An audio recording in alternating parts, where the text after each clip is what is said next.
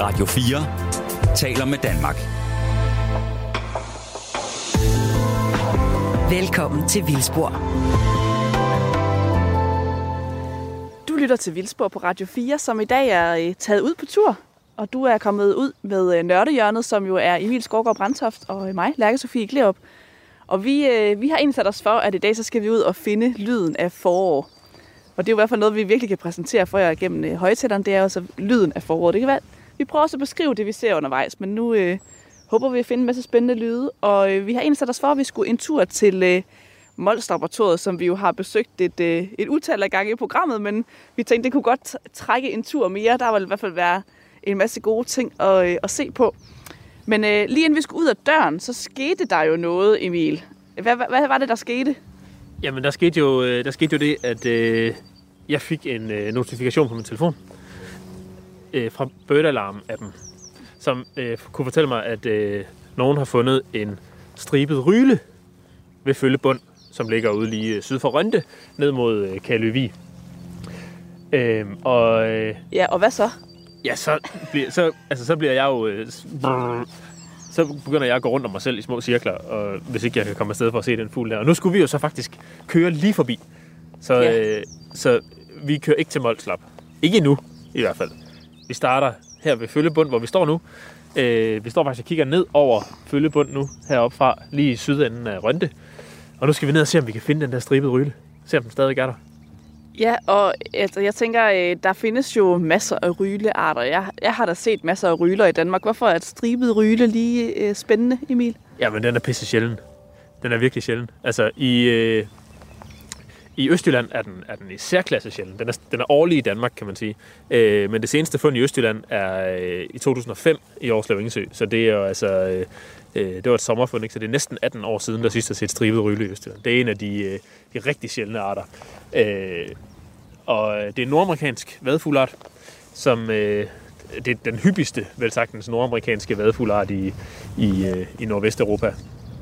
Øh, så, øh, så, så det er en rigtig god, rigtig god art. Jeg har set den over i Vestjylland en enkelt gang øh, for en håndfuld år siden. Men øh, jeg har længe drømt om at se stribet ryle i Østjylland. Og, så, og nu har vi chancen.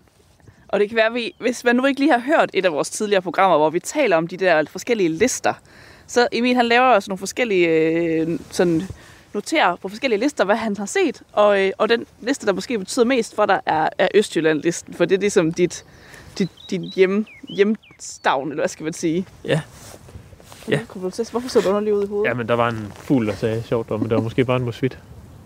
Det tror jeg, det var. Den sagde bare lidt mærkeligt. Øh, ja, Østjylland-listen, den er vigtig. Ja.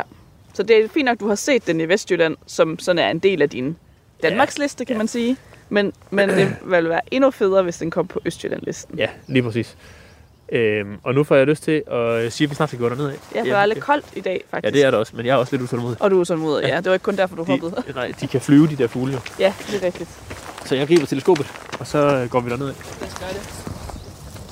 Så Emil, jeg skal lige være helt med. Hvad er det, vi skal se eller lytte efter? Altså, Vi skal ned og stå i fugltårnet hernede i kanten af Hestehave Skov og kigge ned over, øh, ud over vådområdet nede i Følgebund og øh, håbe på, at vi kan se en lille vadfugl, der render rundt nede vi på kigger efter vådområderne. Vi kigger efter den. Ja. Ja. i gang af. ja. Er den dernede? Ja. Fedt. Øh, men den gemmer sig i det nordøste hjørne Okay. af høje græsture. Okay.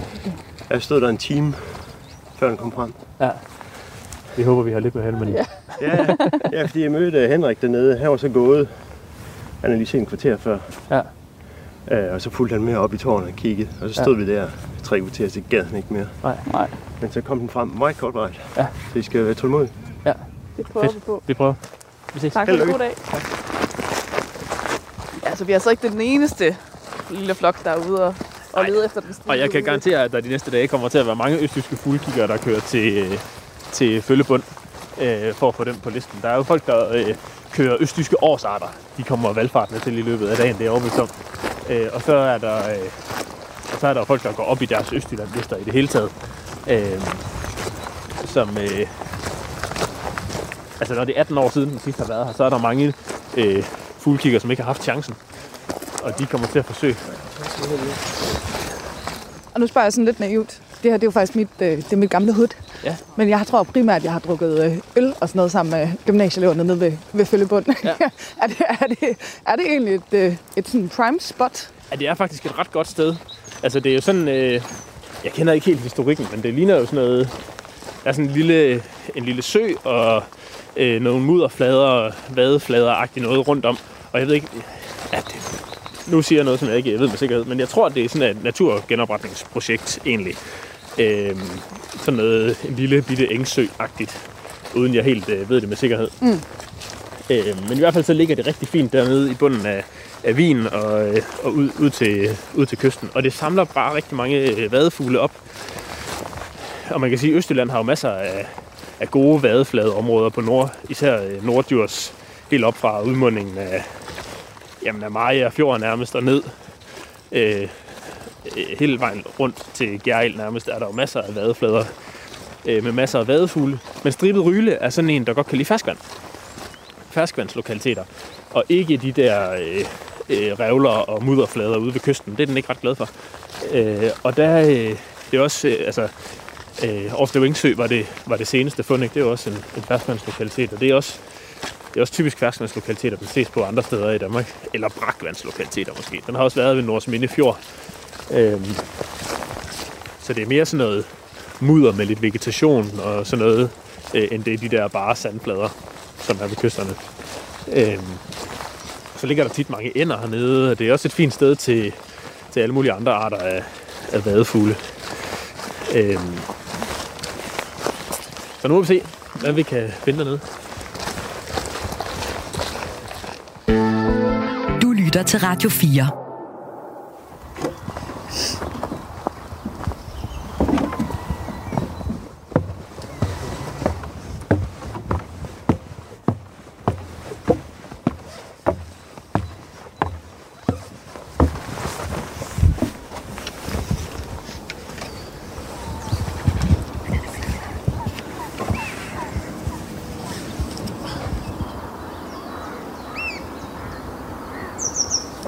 Allerede der.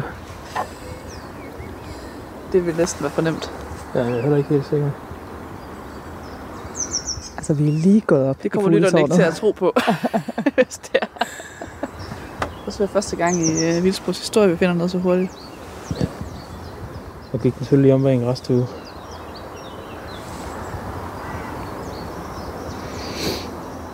Det kan være, at vores lykke er vendt. Ja, det ville være Fra nu af, fantastisk. så finder vi bare alle arter med det samme.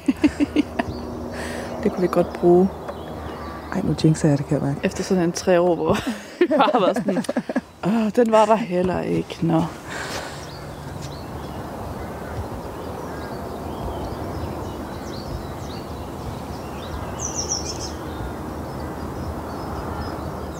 Gemmer den sig? Nej, den er kun Nå. Hvad er det den? Jeg skal lige se den i sådan helt ordentligt lys. Ej, det hele det gynger godt nok. Jeg forsøger at stå stille.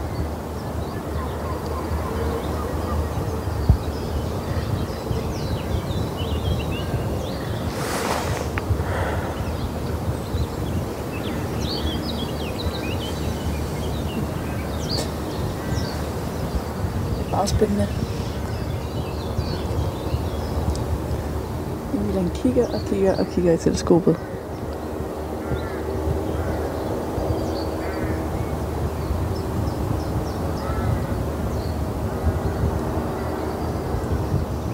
er besvær at kende fra andre rylearter. Ja, jeg har jo ikke sådan super meget erfaring med den. Nej. Øh, men noget af det, som er, noget af det, som er vigtigt, er ligesom at se, at den har en meget skarp afgrænsning mellem øh, stribet bryst, mørkt stribet bryst, og så hvid bu. Ja. Og det kræver altså lige, at den står i, i det rigtige lys her. Ja, så skal den vende Fordi den- til. Den fugl, der står derude, den, øh, den er... Øh, ja, jeg skulle svært ved at se det. Hvor bliver den af nu? Kiggede jeg også selvfølgelig lige væk. Den bevæger sig faktisk en del rundt. Øh, men... Hvor er du? Der.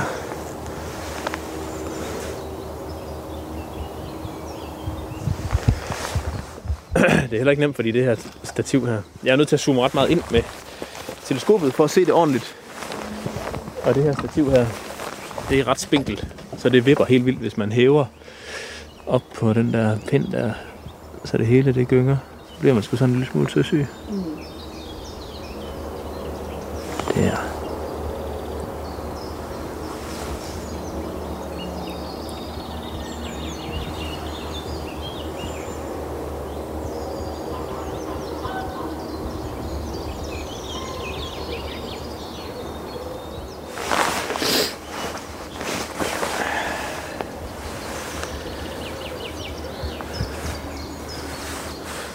Men der er en fugl dernede, som har størrelsen, synes jeg. Jeg har bare lidt svært ved at vurdere det der bryst der. Og det jeg er bange for, det er at komme til at forveksle den med en, med en brushane. Det vil jo ikke være så godt. Det var også lidt det, du sagde, da, vi, da du så billedet, som var blevet vendt ud på bøttelampen, at det ikke bare en brushane. Ja, men det er ikke bare en brushane. Den er god nok, den Henrik Læsø har fundet.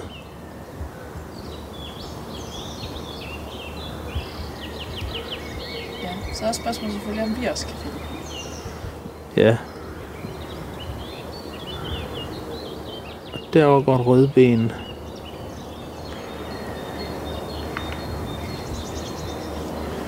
Er det helt over på den anden side af søen?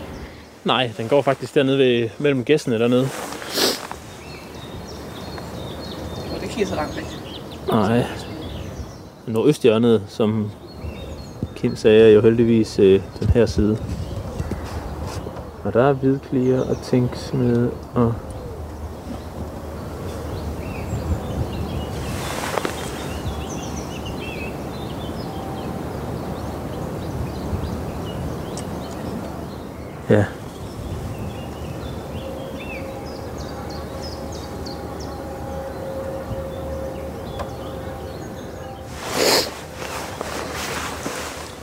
jeg synes sgu, det er...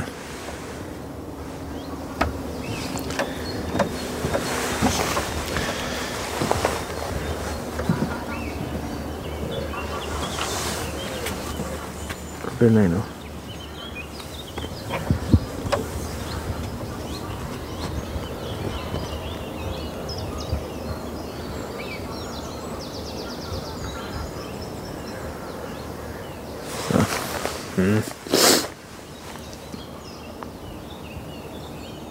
synes bare, jeg har set den fra alle mulige vinkler nu. Men jeg synes ikke, jeg kan se den der skarpe grænse til brystet. Jeg synes simpelthen, det ligner en brushane, den der, jeg kiggede på.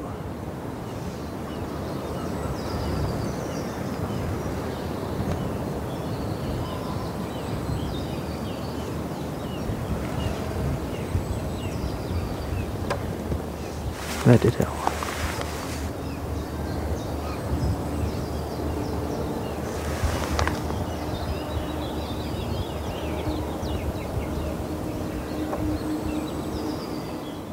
Det her ser bedre ud. Ja, her tror jeg, den står. Hmm.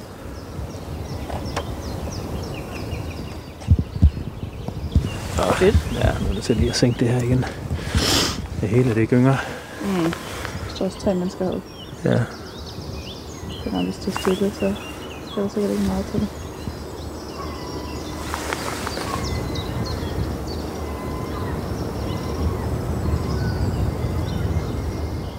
Der er godt nok altså også meget andet, var.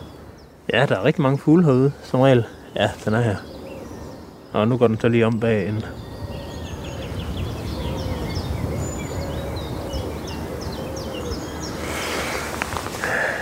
Bag en tue.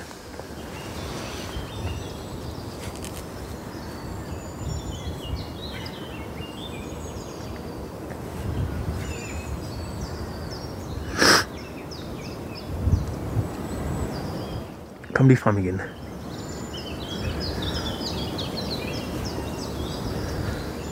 Er du helt hen ved de gæster, der ligger noget? Eller? Altså nu er jeg faktisk... Jeg kan vide, hvor jeg egentlig er. Må jeg lige få låne kiggerne?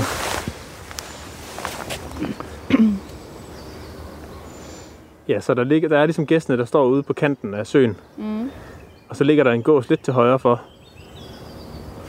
Inde på mudderet. Mm. Og om bag ved den er der et lille vandhul. Og Peter helt derom.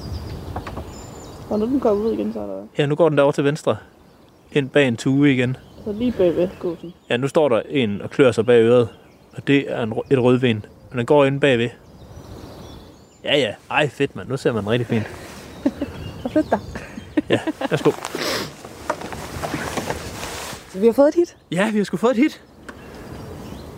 Fedt, mand. Stribet ryle. Det tog kun 8 minutter. Det synes jeg er rimelig godt klaret. Ej, nu Så tak, bagved Kim. igen. Han sagde, at han stod og ventede en time. Kan du se den, Lærke? Ja, den gik lige ind igen. Men jeg tror, jeg så den. Altså, fordi rødben var den over til højre, ikke? Jo, jo. Og så Så gik den mod større. venstre. Den er mindre end rødben. Ja, den gik ind bagved. Fedt, mand. Igen. F, mand. Total bonus. Hold kæft for sejt. Det var fedt. Ej, hvor dejligt. Så har jeg glad Emil resten af dagen. Ja, Skønt. det er genialt. og så kan vi komme videre og lave det radio, vi egentlig skulle lave, uden ja. at Ja. jeg er så stresset eller går rundt og tænker på alt muligt andet. Du er bare blevet et helt andet menneske. Sådan helt afslappet. Ja, tænk en gang, hvad sådan en lille nordamerikansk fugl kan gøre. for ens humør. Ja, det er jo herligt. Dagen er reddet. Ja. Men det var da også meget fint. Det var det. Og det er da et flot sted, det her i det hele taget. Det er et Så skønt Der er øh, virkelig mange forskellige fugle, uden at sådan lige kan navngive dem alle sammen. Men, Ja. øh, Men altså, De ja. siger ikke så meget, dog. Fuglene? Altså dem derude. Nej, de er lidt svære at høre. Jeg hørte, der var nogle gæster, der sagt det, så det er ligesom om, det, det kommer bagfra, så er det lidt fuglekvider, jeg kan høre inden for Ja. skoven. Men det kan være, at vi skal gå ind til det så. Ja, Alt det fuglekvider, der er. Ja. Og komme afsted til Mols. Og lave det, vi egentlig skulle.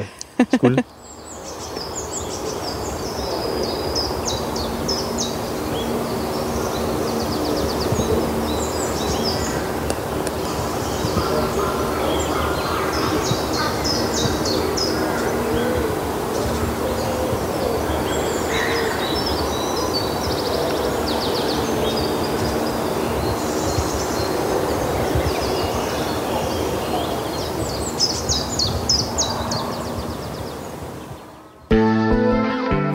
4. Jamen, så nåede vi jo ud til øh, uh, Molslaboratoriet, og du lytter til, øh, til Vildspor på Radio 4, hvor vi i dag er ude for at fange lyden af forår. Og vi tog lige sådan en lille detur på vej ud, fordi Emil havde fået en uh, melding om en sjælden fugl, som vi selvfølgelig lige skulle se. Men nu er vi nået, uh, nået frem til den destination, vi egentlig havde besluttet os for, nemlig Molslaboratoriet, hvor vi vil uh, lytte lidt til foråret. Og vi kan faktisk allerede høre noget omkring os nu. Mhm. Der er lidt fuglelyd. Der er lidt fugle. Bogfinke. Og musvit. Musvit, musvit, musvit. Og vi skal nok komme til at høre masser af fugle på, øh, på turen rundt her, det er jeg overbevist om. Men vi håber også, at vi måske kan finde en humlebi, der øh, summer lidt, eller øh, noget kryb, der kravler, eller et eller andet. Noget, der kan Øhm, lave lyd. Ja, og så alt muligt andet. Mm. Øhm, og jeg vil foreslå, at vi starter med at gå den her vej. Ja.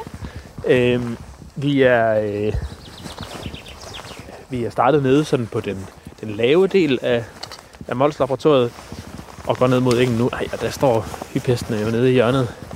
Ja, ja. Eller hypheste er det jo ikke. Vildhestene. De fine eksmore. Og der står sammen også øh, nogen med en ATV. Det er nok personalet. Og så, ja, mange heste står der hernede. Ej, der er det lille følge ude. Er der et føl? 1, 2, 3, 4, 5, Nå, ja, der. 7, Åh, oh, så fin. 9. Hyggeligt. 9 heste og et føl. Ved I, øh, hvor gammel følget er? Følget er, øh, jeg kan ikke huske det præcis, men et par uger eller sådan noget. Øh, det er skyde på. Noget i den stil. Står helt dernede i, i hjørnet sammen med størstedelen af, af den flok, der, der holder til hernede. De har jo, de har jo delt sig lidt. Øhm, hestene herude, ikke? så der er i hvert fald to flokke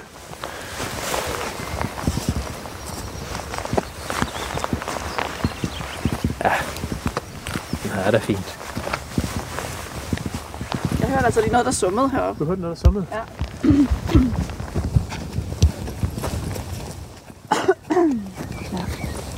Der var et eller andet.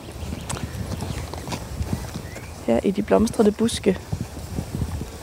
Ja, der er simpelthen det fineste slåenkrat her på, Ja. på Litorina-skrænten. Gamle havskrant. Der er noget biværk heroppe, tror jeg.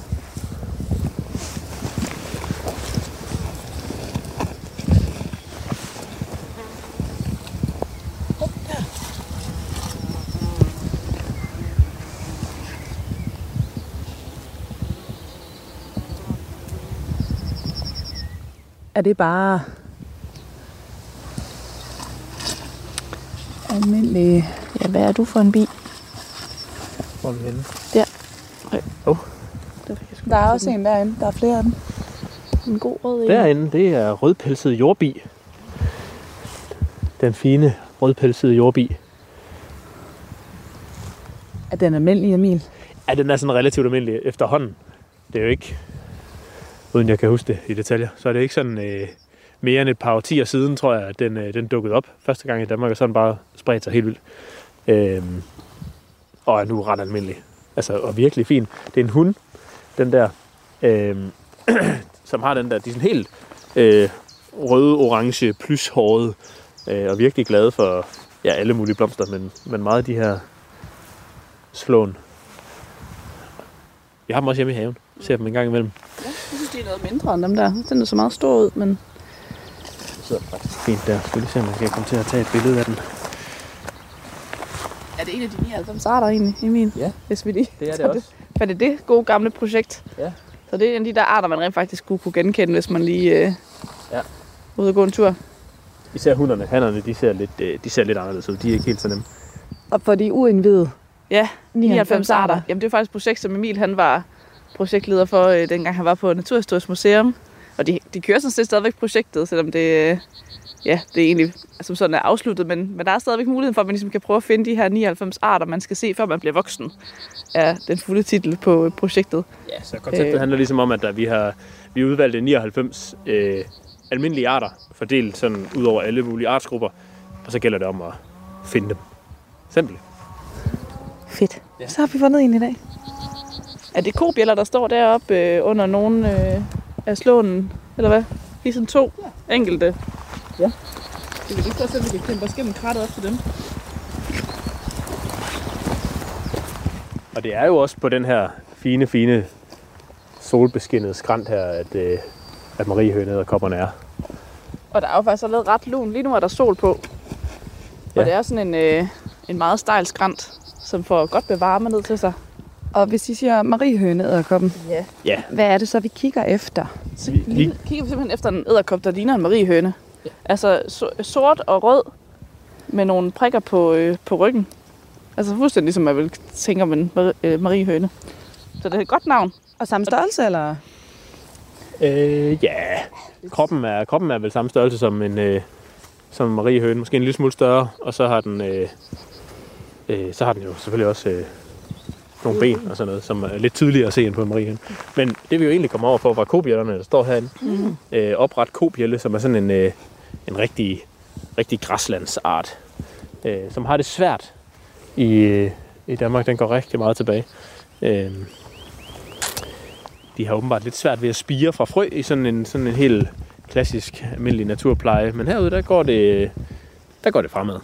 De spreder sig, så vidt jeg, så vidt jeg ved. Og de er ellers virkelig flotte. Altså når man tænker sådan, danske, danske blomster er sjældent særlig store. Men det er, øh, det er de virkelig, de her kobjæller. Ja, Næsten opret kobjælle, den er virkelig... Jeg tror, det var en haveplante, der havde forvildet sig ud. Ja, det er det ikke. Nej. Skal vi prøve at begive os lidt videre? 1, 2, 3, 4, 5, 6, 7. Sidder guldspuren og tæller. 1, 2, 3, 4, 5, 6, 7. Ja. Er det ikke noget med, at det ikke er alle steder, den tæller til syv? Jo, de har dialekter. Det er lidt sjovt. Altså det klassiske, det er jo sådan... Øh, at man siger, at den tæller til 7. 1, 2, 3, 4, 5, 6, 7. Men øh, nogle steder, der, der tæller de altså kun til 5, eller tæller måske til 8, eller sådan noget. Og det er, det er sådan lidt, øh, der er geografiske forskelle øh, på, hvordan de, hvordan de gør. Og på Naturhistorisk Museum findes der jo gamle, øh, sådan nogle, hvad hedder sådan noget, gamle, gamle bånd, som ikke bare er et almindeligt kassettebånd, men før kassettebåndets tid, øh, optagelser indsamlet øh, rundt i hele kongeriget af guldsburgstemmer. Ej, nu sidder der en, sidder der en lige heroppe i, i busken, sådan helt, helt gul. Ej, hvor er den flot. Ja, den er nemlig Helt rigtig fin. kanariefugl Ja. Det ligner den virkelig. Virkelig en flot fugl. Den ser alt for eksotisk ud til Danmark. Ja. Ja.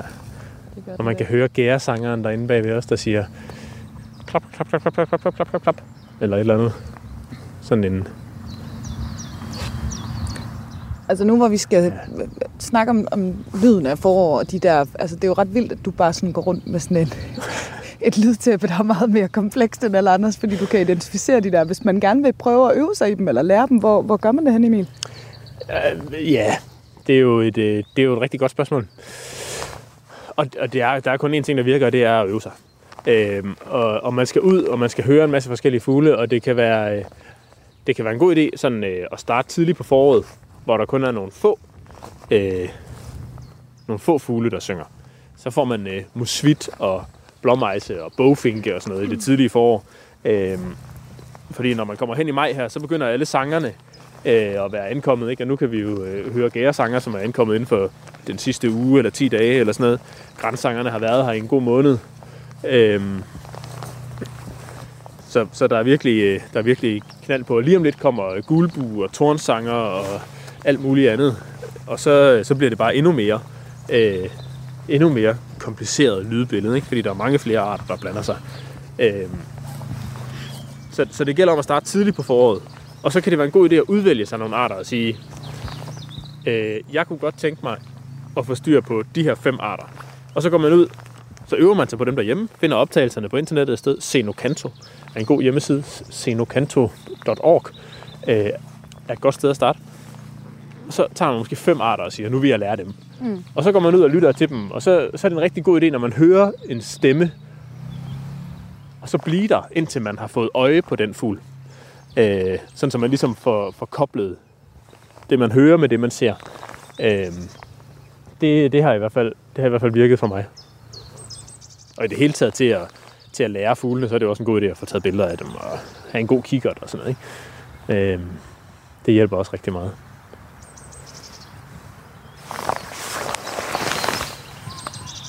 Men der er helt klart fugle, der er nemmere end, altså, der er nogen, jeg har opgivet på.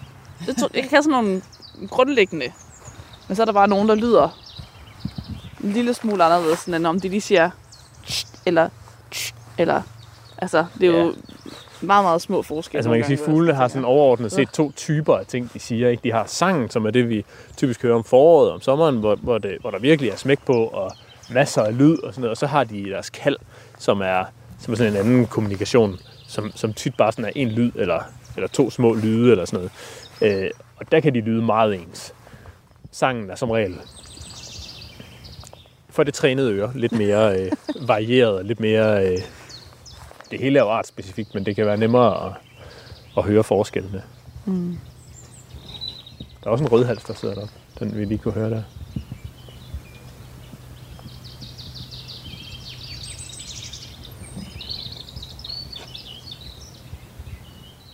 Og munk inde bag ved den der hurtige, klare fløjtetoner.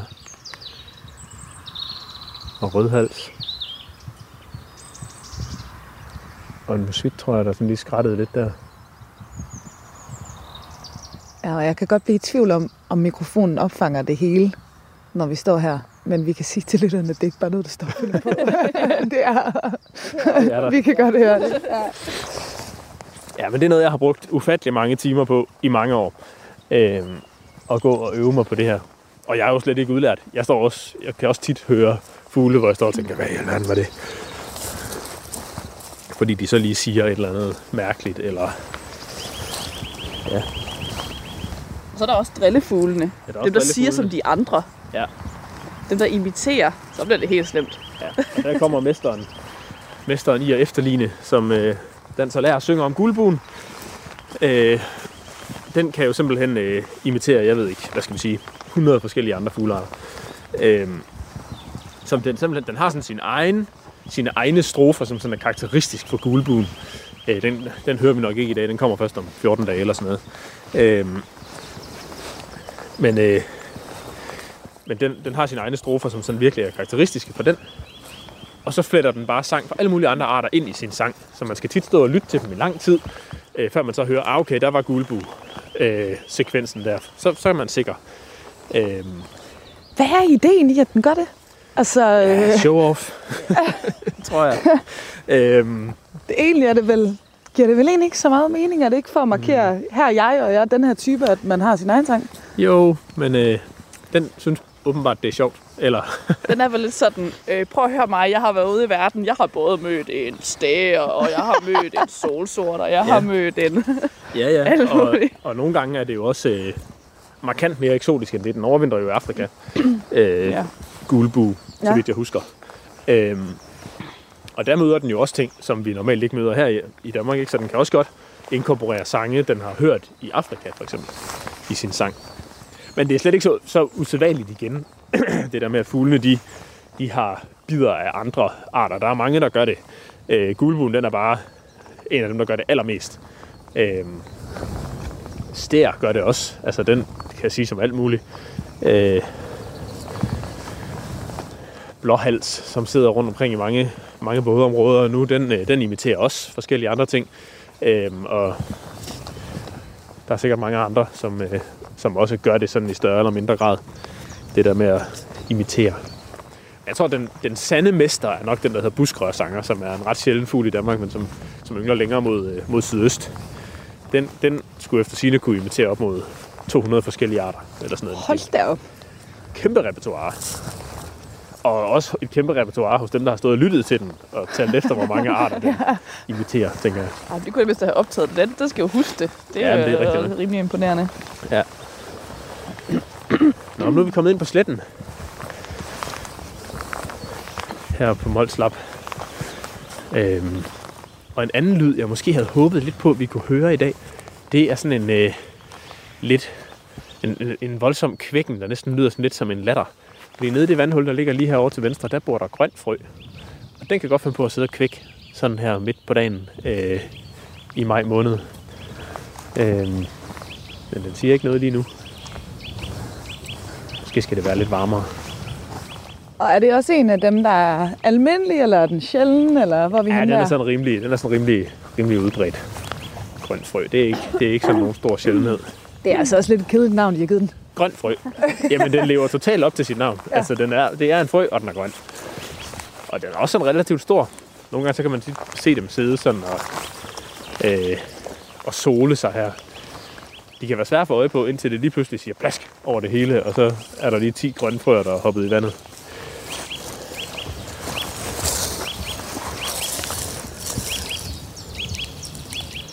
Det skete ikke lige. Der var ikke noget sådan vildt pludseligt plask. Måske sidder de længere inde. Lærke prøver at hoppe og lave sprallemand for at... Hallo? Jeg er farlig. Øh, Jeg så ikke farlig nok ud, åbenbart. Nej. Eller så gemmer de sig bedre.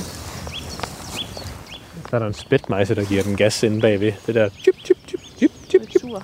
Ja, den er lidt sur. Der er sikkert en anden spætmejse i nærheden, som godt kunne tænke sig at tage dens plads. Eller noget i den stil. Vi kan lige give den, give den lidt gas med at skrue op for mikrofonen, så kan lytterne lige få det helt ned.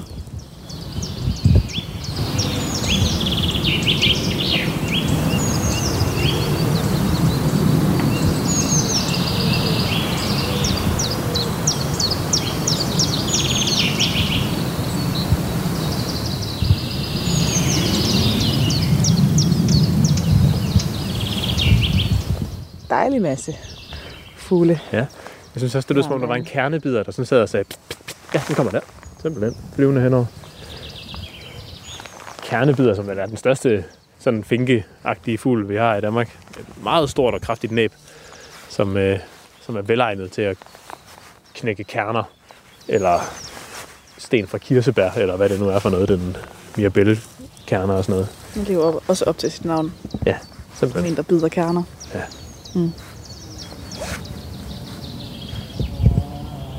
Sådan en fin lille vandhul her. Der plejer også at være godt med guldsmeder og sådan noget, når vi kommer lidt længere hen på sæsonen.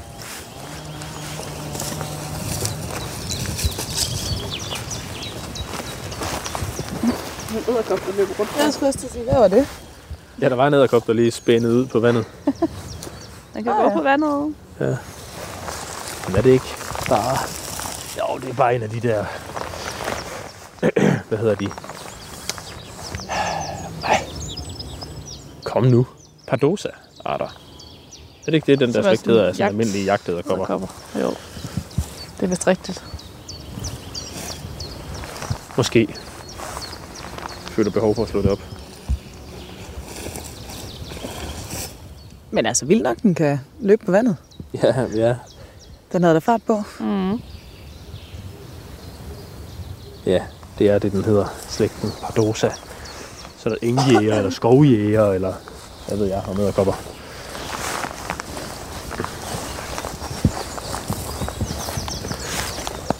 Skal vi kigge mere efter frøen, eller? Altså, så skal vi måske næsten ud i det, og det, det har jeg måske ikke, det er måske ikke helt udstyret Det er der ingen af os, der har. til. Nej. Øhm, men vi kan lige prøve at gå lidt rundt om her i kanten og se, om vi kan finde noget, uden at blive alt for våde.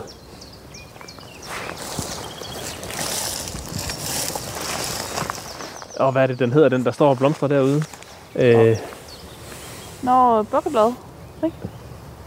øh, eller vandrøllige. Nå. Er det den hvide der, der stikker op? Ja. Ja, men det kunne godt ligne bukkeblad, men Ja, det er nok. mangler bladene på. Ja. det er sådan, det er, det er vandrøllige. Den har de der rølleagtige blade nede under vandet. Hmm. Er det ikke det, den hedder? Jo. Det er ikke så tit, jeg ser den. Det er nok bare, fordi jeg ikke så tit kommer ud til vandhuller. Altså, nu har vi jo faktisk mest snakket om, om dyrearter. Men er der nogle plantearter, I sådan tænkte kunne være et ret stort hit, hvis vi... Altså, som også er en sandsynlighed for, at vi kunne falde over herude? Altså, øh, nu fik vi jo lige set en enkelt, øh, en enkelt af de oprette kobjæller derhenne, som, øh, som er virkelig, virkelig fin og blomstrer på den her tid af året. Øh, og ellers så, så tænker jeg, at øh, når vi kommer lidt længere hen, så står der lidt flere, lidt flere ting. Mosetrollurt for eksempel. Øh, Glemte øh, måske at kigge efter nogle gøgeurter. vi glemte faktisk meget gøgeurterne ude på engen. Ja. Ja. Og det kan være, at vi lige slutter der igen, når Ja, det vi... kan godt være, øh, hvis vi lige skal kigge efter æderkoppen Ja. også. Så kan vi lige se, om der står, om de er begyndt at blomstre. Er de også noget særligt? Ja, det er så fordi, det er, det er en orkidé, og det er nok den mest almindelige orkidé, vi har ah. i. Danmark, men, men orkidéerne er jo alligevel lidt noget særligt. De er alle sammen beskyttet, fordi øh, nok for dem fordi de kan være lidt svære at se forskel på. Øhm, så selvom majgyvert måske er sådan relativt almindelig, ikke meget almindelig, men i forhold til de andre, øh, så kunne den måske godt undgå at være beskyttet. Men de er beskyttet alle sammen, så ja. de må ikke plukkes eller graves op eller noget. Noget som helst. Men øh, så de er lidt særlige. Ja, og flotte jo også. Ja. Altså spektakulære, spektakulære planter, orkideerne. Her skal man jo ikke tænke sådan på den der typiske øh, have, eller ikke haveorkidé, men den typiske orkidé, man måske har hjemme i en potte i vindueskarmen. Øh, den der har ikke helt så store blomster, men, men dog virkelig flot. Ja. Nej, nu er der løvsanger, der synger herovre. Det er også min første løvsanger i år. Vi kan se, om vi kan sige noget igen. Den der. Som er sådan en meget faldende, sådan, den er lidt langt væk. Men sådan meget sådan, jeg forestiller mig altid lyden af, af, af et blad, der daler. Eller en fjer, der daler. Sådan. Du, du, du, du, du, du, du, du, du, du, du. Meget, meget fin sang, synes jeg. Øh, og helt forskellig fra, fra sangen hos Grænsanger, som den jo ellers ligner til forveksling. Der igen. Øh, Grænsangeren, den har jo den der meget monotone sang, som siger tjif, tjaf, tjif, tjaf, tjif, tjaf, tjif, tjaf. Øh, så, så der er stor forskel på dem øh, sangmæssigt. Øh, selvom de ligner hinanden og er meget nært beslægtet, så synger de meget forskelligt. Og Emil, jeg kan huske... Åh, oh, Det var Munk, der kom der.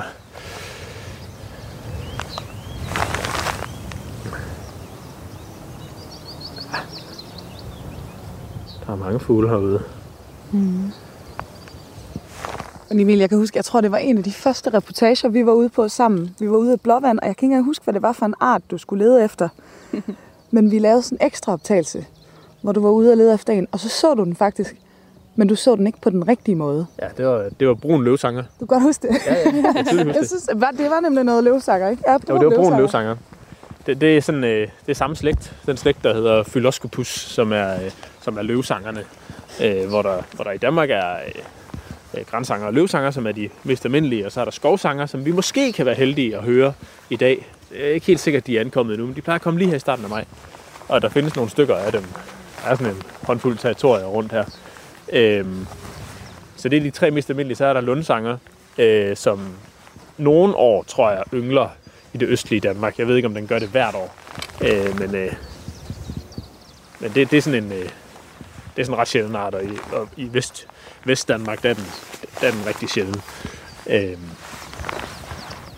og så er der alle de, de rigtig sjældne løvsanger. Brun løvsanger og svarts løvsanger og øh, hvad de ellers hedder, alle de der andre Phyloscopus-arter.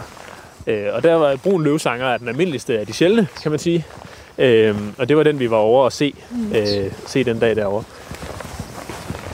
Og, og, og når, jeg, når, når jeg ikke synes, jeg havde så den rigtigt, så, så hænger det jo sammen med, at den i dagene for inden var blevet set super godt ned på 5 meters afstand, hvor den var sådan fluoresceret i kanten af et lille vandhul og sådan noget. Og vi så en lille brun klat, der lige sådan smuttede forbi i et millisekund. Øhm, så det var sgu lidt, ah, det var ikke helt den oplevelse, jeg havde håbet på. Og så hørte vi den kalde, et kald, som lyder fuldstændig ligesom munk eller, eller gæresanger eller sådan et eller andet i den stil. Øh, der vil sikkert være nogen, der synes, ej, brun løvsanger, den er da mega karakteristisk og lyder helt som sig selv. Det synes jeg ikke. Jeg synes, den lyder som sådan en blanding af en munk og en gæresanger eller sådan noget. Øhm, og det hørte vi også, det kald og sådan noget, så det er jo et, et fuldgod lever op til alle reglerne for, at den kan krydses, men oplevelsen var bare ikke sådan helt. Så hvad så? Altså, vi startede jo faktisk optagelsen i dag med et kæmpe hit. Ja, det gjorde vi. Altså, var det så en tilfredsstillende? Ja, det var meget bedre. Ja. Altså, det var meget bedre at se, øh, se den her stribede ryle. Det har selvfølgelig været endnu federe, hvis jeg havde fundet den selv. Øh, det er klart. Det, det slår det hele at finde tingene selv, ikke? Men, øh, men, øh, men vi fik set den, og vi fik set den fint, og, øh, og som det jo er med sådan nogle fugle, som man ser på lidt afstand, så, så voldte den også øh, lidt besvær med bestemmelsen og sådan noget, ikke? som de jo skal gøre, de der madefugle der. Det skal ikke være nemt. Men den var god nok. Og øh, ja, så det var, det var, sgu, det var sgu fedt at se den. Øh, og så er det Østjylland på min, min hjemmebane. Det, det betyder mere end at se fuglene i blåvand. Det er bare sjovere at se dem her. Hvis vi skal gå på jagt efter mosetrollurt, så skal vi vel lidt ud i det fugtige, eller hvad? Ja, den Hvor- har også nogle gange stået over i det her, nede i Okay. det fugtige, sådan i den del I den derovre. ende. Okay. Så jeg tror, vi prøver at gå den vej. Ja. Jamen, øh, det kan være, at vi lige skal opsummere for lytterne, hvad det er, I øh, lytter til. Øh, I lytter til Vildspor her på Radio 4, og øh, Nørdehjørnet, som jo består af Lærke Sofie Glerup og mig, Emil Skovgaard Brandtoft, er i dag taget til Laboratoriet for at fange lyden af forår. Og indtil videre synes jeg, det går meget godt. Ja. Øh, vi hører en hel masse fugle, og øh, har set nogle enkelte, nogle enkelte planter og øh, et par bier og sådan. Øh, og det er jo selvfølgelig mest fuglene, fordi de fylder så meget i lydbilledet, øh, som, som, som man kan høre. Øh, bierne, der skal man nok være heldig for, at man er tæt nok på til at høre dem summe. Men jeg håber at vi får set lidt flere ting, som ikke kun er fugle, mm. og ikke kun er fugle stemmer. Øh, Ja. ja, nu var vi lige ved at snakke lidt om, hvad for nogle planter vi også kunne se. Og så havde vi, fik du lige nævnt før, øh, mosetrollurt, Emil. Ja. Som, øh, som jo godt kunne stå hernede på, på sletten, som vi er på lige nu, ude på Monsterlaboratoriet. Ja. I Den de har, lidt fugtigere øh, områder af, af sletten. Og den har, den har øh, for nogle år siden, det var måske, måske var det i 19, der hvor, hvor altså året efter tørken i 18, Mm. som slår alt græsset ihjel, der, der var den vidt udbredt her på sletten. Der var, der var helt lyserødt af mosetrollurt.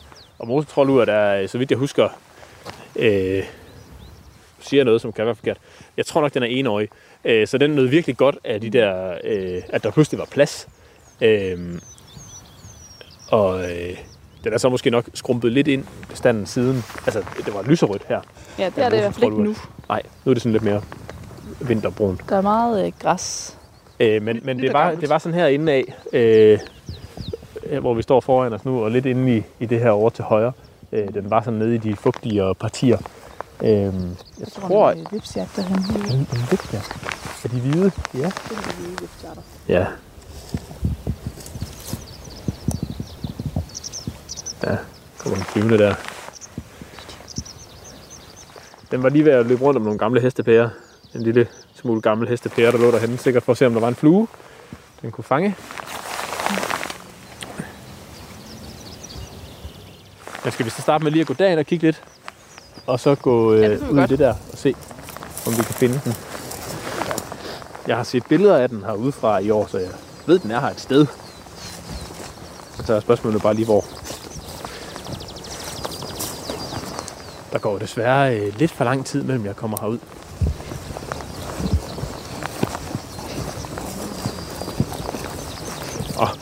Den her gyvel her, den har da fået nogle tæsk. Den Du lytter til Radio 4. er simpelthen blevet et.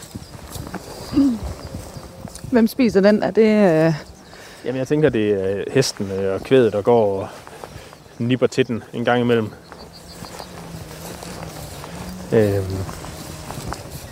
det tænker jeg, det er. Jeg ved ikke, om der er jo også lidt rådyr herinde og sådan noget, om de, øh, om de kan finde på at spise skyvel. Det gør de måske nok lidt. Men øh, jeg vil tro, det mest er, er de store. Hvad er det helt præcis, I kigger efter nu? Jamen, lige nu Øh. kigger vi efter en art, der hedder mosetrollurt, som er sådan en rigtig fin lille øh, lyserød øh, plante, som bliver øh, 5 cm høj, som, øh, som står her. Og det her det er jo et fint sted til den. Man kunne måske godt ønske sig, at det var lidt fugtigere. Øhm, men det er fint, fordi det er så relativt øh, øh, lav vegetation rundt om her, ikke? så der er plads til den, at den kan få noget lys.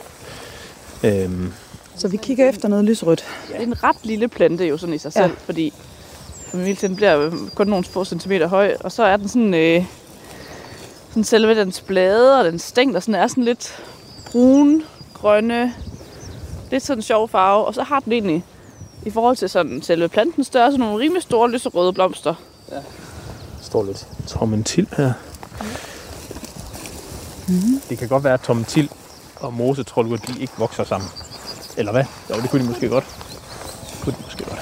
Men jeg vil også sige, altså, at der måske skulle være lidt mere fugtigt end det her. Ja. Meget tørt. Ja. Selvfølgelig også længe siden, det sådan rigtig har regnet. Ja. Nu kan vi høre løvsanger meget fint herinde fra Birkelunden herinde ved siden af.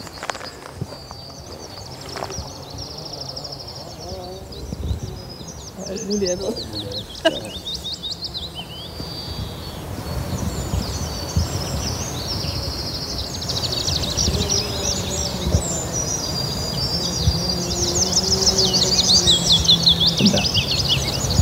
Ja, det var ikke en helt fuld sang. Der er også en skovpiber, som flyver rundt og synger. Som måske kan forvirre lidt.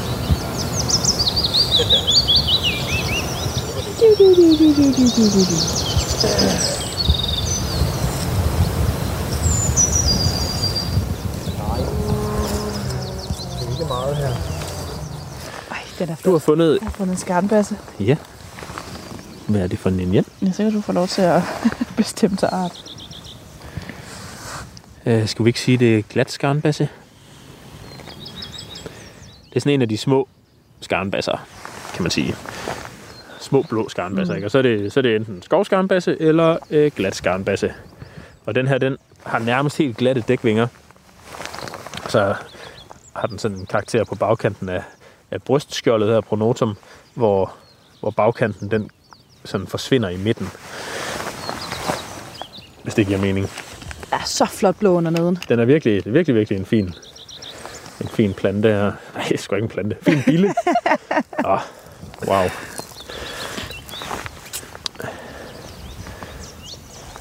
Den var sikkert lige ved at... Ja, jeg ved ikke, hvad den var ved. Der var på vej den Den vej. var på tur. De er ude og lede efter øh, noget at spise. Og det, de spiser, det er jo øh, primært Skarn. skarn. Gødning fra de store dyr. Glas skarnbass er sådan en, som... Den er ikke sådan super almindelig, men øh, i de de gode naturområder, der finder man den ret ofte. Så er der sådan en, et spind der. Jeg kan vide, om det er en lille bitte labyrinth Måske. Det ved jeg ikke helt. Åh, oh, var det en rødstjert? Ikke den der. omkring. Nå. Jeg hørte noget, der kunne være en rødstjert.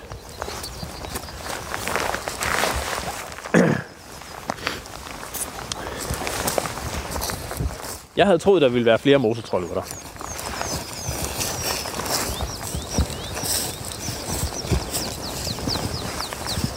Det havde jeg simpelthen troet, at de ville være nemmere at finde. Men hvad I mente? Måske det var for tørt, eller...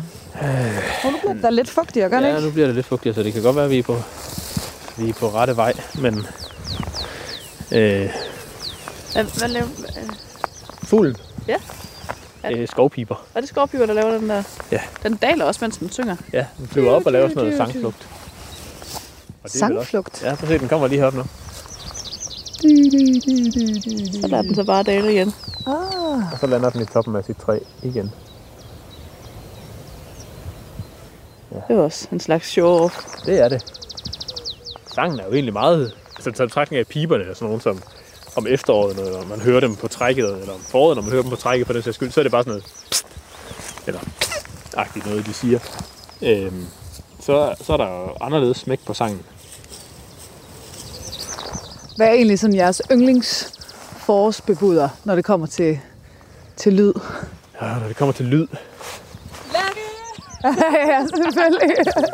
Ja, det er rigtigt. Altså der, i januar, Men også slutningen af januar, starten af februar, når sanglærkerne øh, ankommer og begynder at synge, det er virkelig sådan, okay, nu er vinteren ved at være på sidste vers. Håber vi.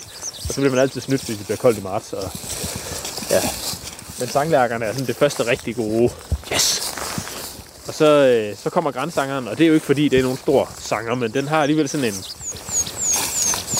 det er sådan den næste meget karakteristiske, vidt udbredte fugl, der sådan virkelig, øh, der sådan virkelig kommer der i, i løbet af marts måned med sit tif, tjaf, tif, tjaf, man pludselig kan høre overalt. Øhm, men når man sådan kommer hen på det her tidspunkt, så, så, så synes jeg, det er nogle af de der sådan virkelig sådan meget øh, varierede, dygtige sangere, øh, Gulbu og Munk og sådan noget, som, som virkelig er, er spændende. Nattergalen glæder jeg mig også til at høre. Øh, De er ankommet, de første nattergale rundt omkring.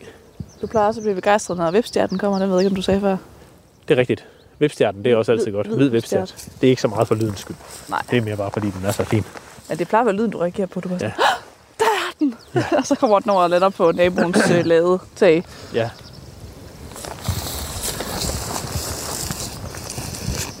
Har Emil fået øje på et eller andet? Ja, men det var bare fordi... Øh, der står nogle små bitte blade hernede, som jeg tænker er, øh, er engviol. Jo, noget, ja. Engviol, de her. Meget ja. sjovt, den står her. Det må den jo sådan set gerne. Men øh, jeg ved ikke, om det er her, den plejer at blive fundet. Den er ikke så almindelig hernede på sletten, men der står den der i hvert fald fint lige her i hjørnet. Ja.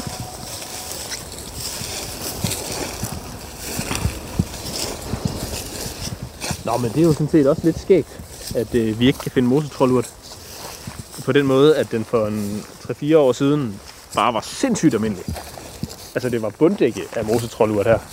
Øh, og så er det åbenbart øh, vokset så meget til, at altså siden tørken i 18 er det vokset så meget til, at, at nu er den bare forsvundet igen. Den havde lige en øh, mega opblomstring der.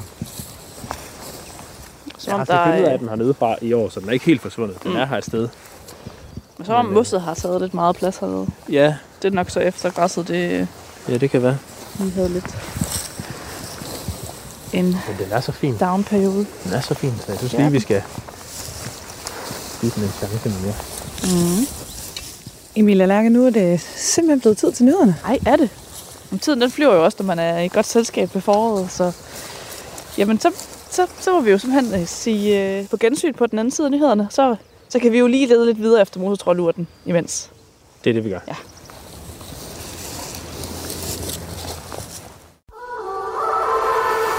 Radio 4 taler med Danmark. Velkommen til Vildspor.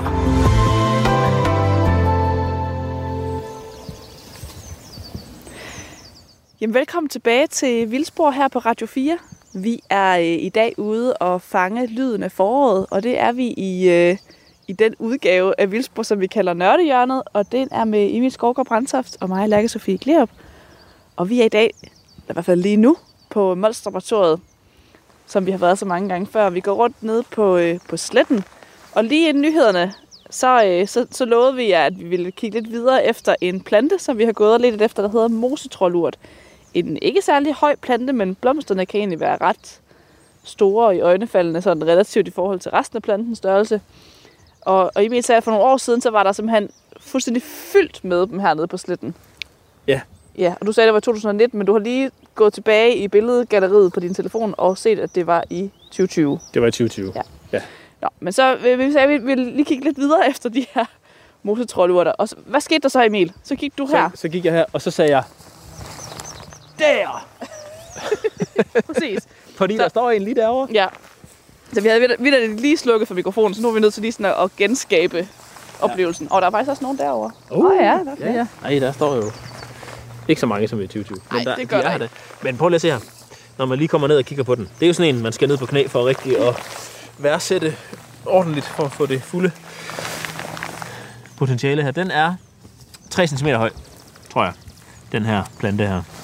Og den har en stor lyserød blomst. Øhm, den er virkelig, øh, virkelig, virkelig lille og fin. Øhm, den har haft flere. Der har også siddet en blomst der og derover og måske kommer der nogen der og der. Øh, den, den græner sig ligesom ud sådan i, øh, i bunden her. Øh, og trollurt hedder den jo, tænker jeg, fordi den har sådan nogle virkelig kringlede, krogede blade, øh, som ser sådan lidt, lidt trollagtige ud. Den har en, øh, en fætter, eller i hvert fald en nærtstående slægtning, der, øh, der hedder engtrollurt, som bliver noget større. Og altså, den, den tæller vi en, en plante, som kan blive op til 30-40 cm høj måske, som typisk står øh, vådere end det her. Den kan stå sådan nærmest i vand. Øh, det er, lidt, det er lidt den der bare sådan bygget med lag på. Altså, det er sådan lidt Ja. ja. en etageudgave, den der Ja. ja. og vi sender lige et billede øh, med i, øh, her i gruppen. i gruppen, så I, så I kan se, hvad vi taler om. Øh, det kan også være, at vi skal have et billede af engtrollurt, bare til sammenligningens skyld.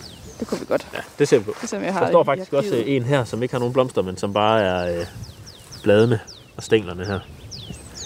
Øhm, Og helt lidt flad. øh, mini-grønkål ja, over det. lidt mini grønkål. Og herover er, øh, ja, her står de to andre, du lige fik øje på, Lærke. De har også, ja, der kommer en lille blomst der.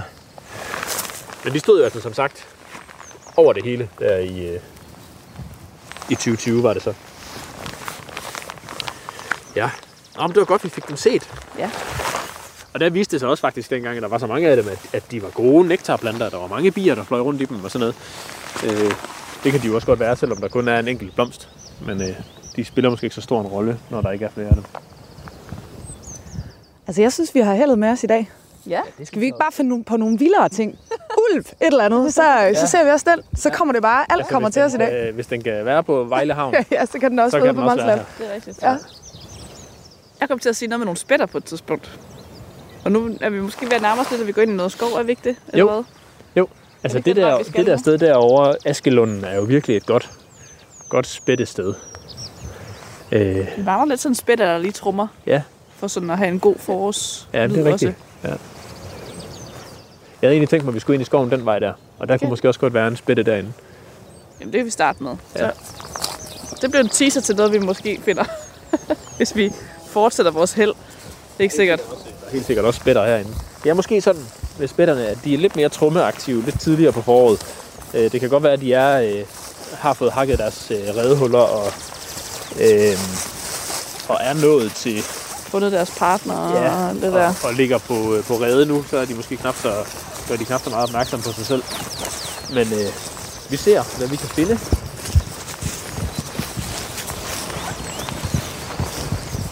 Tornskaderne er ikke kommet tilbage nu, vel? Altså de første rødrykkede tornskader er meldt rundt omkring, men øh, jeg har ikke hørt om, at de skulle være kommet herud, og det er også stadigvæk ret tidligt til ja. dem. Der var en Nu er mere. der flere, ja. Nå ja, fint. Den blomstrer mere, den der. Jeg har skal tage et billede af den. Den Fire blomster. den er måske lidt mere sådan flot at se et billede af. end den anden. Hov, var det skovsanger?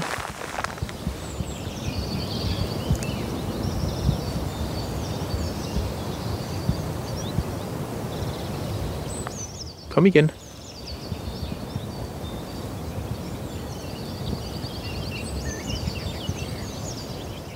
Ja.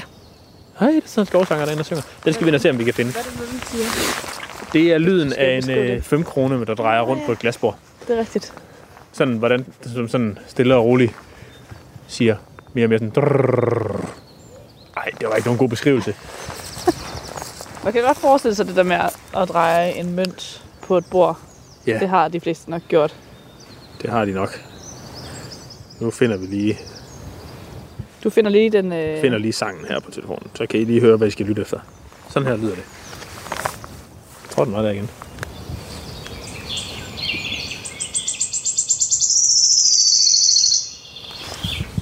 Ej, der, jeg, kunne godt, jeg kunne godt fornemme mønten. Ja, der sådan drejer på et bord, og så sådan... Drrrr, Ja. sådan Nå, men nu skal vi se, om vi kan høre den i Ja, i virkeligheden. in real life. Ikke bare fra Nej. Du fik så dig sådan ud i noget smat. Øh, Ej, men det er fint nok. Det, altså, man må jo lære det, når man vælger at tage øh, sneakers på ud på øh, Vildsborgs reportage. Jeg har snart gjort det i tre år, og jeg bliver ved med at insistere på, at jeg kan købe et par gummistøvler. Så må man jo, ja. så må man jo få vedfødder. Øhm, jeg tror, vi skal lige over den bryst her.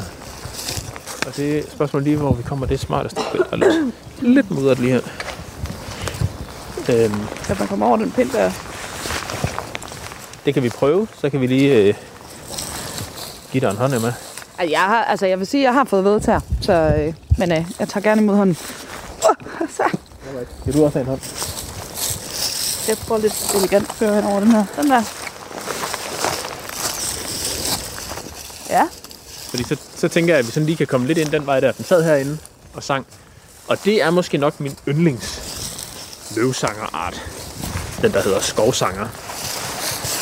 Den har den her ret karakteristiske sang, og så kommer den altid på det her tidspunkt i starten af maj, hvor, øh, hvor skoven er lige ved at springe ud, og alting er helt frisk grønt i skovbunden, og, og så vimser den bare rundt i skoven, og er virkelig, nogle gange i hvert fald, sådan ret medgørlig. Nogle gange så kan man komme ret tæt på dem. Skal vi lige have den til at sige noget igen?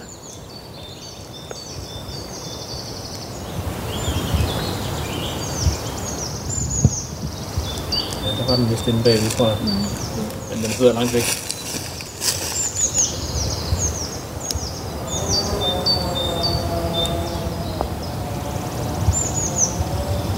var den der igen.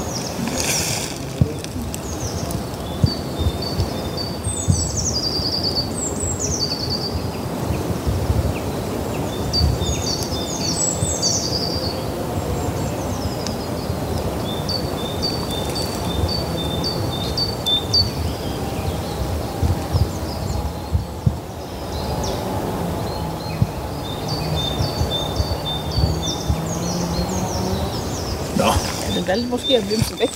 Ja. Fra os. den sad også lidt langt væk. Det kan være, at vi bare skal øh, gå den her vej.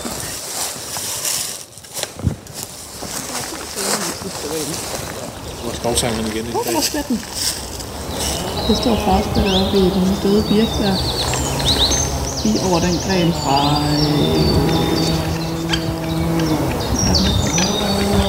Han.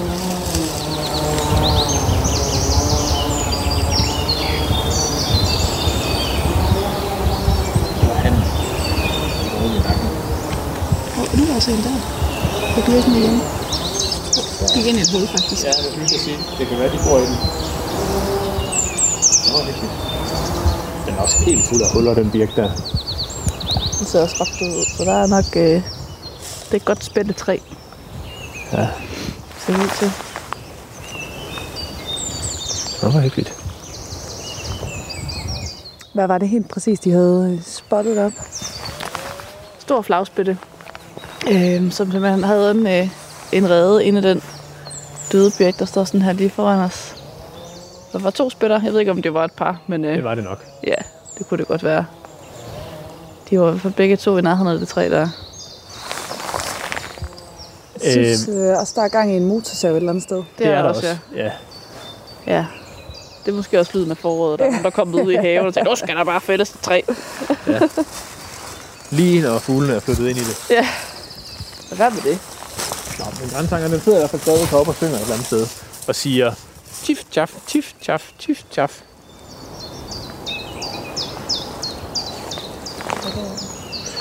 Og det gør den så ikke altid. Det er sådan de to toner, men det er ikke altid, den er så, så rytmisk, at den siger tif, tjaf, tif, tjaf. Nogle gange kan den også finde på at sige tif, tif, tjaf, tjaf, tif, tif, tjaf, tjaf, tjaf, tif, tjaf. For eksempel. Øhm, så det er ikke altid, den sådan er helt... Er det, når den er sådan lidt mere i sådan jazz, Ja, jazzet humør, ja. så bliver det sådan lidt... Men det har den jo givet den, øh, den, den er jo navngivet efter sin, øh, sin sang på flere andre sprog. Silpsalp, tror jeg nok, den hedder på tysk. Ah. Og øh, Chiff simpelthen på engelsk. Så har vi valgt øh, sådan en løvskovsart og kaldt den for grænsanger.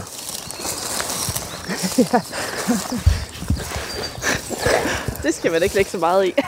Ej, den kan måske også godt finde på at slå sig ned i noget nåleskov en gang imellem, men, eller blandet skov. Jeg tror ikke, den forekommer sådan i ren, ren nåleskov. Så er vi lige kommet ind på Myre Motorvej her. Ja, det må man sige. Ja. Der er fuld gang i de røde skovmyrer. Det er jo også et forårstegn. Jeg ved, hvor de bor henne. Hvor er tuen? Ja.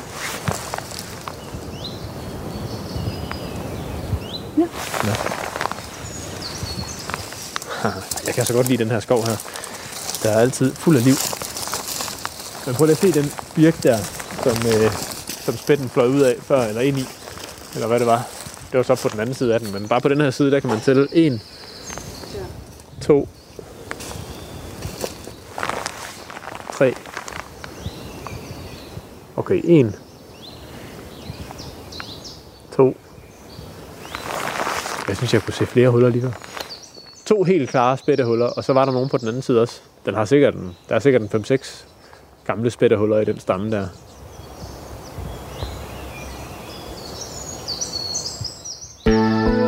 Du lytter til Radio 4. Jamen, øh, vi må heller lige få sagt til lytterne, hvad det er, de lytter til, hvis de lige har sendt fra radioen. Og øh, det, de lytter til, det er altså Vildspor på Radio 4, hvor vi i dag er taget øh, ud for at finde noget lyd af foråret til jer. Og vi, øh, vi lytter især til fugle, det må vi jo øh, sige, men vi kommer også lidt omkring nogle andre ting. Vi har snakket lidt om nogle bier, nogle planter, frøer, heste. Ja.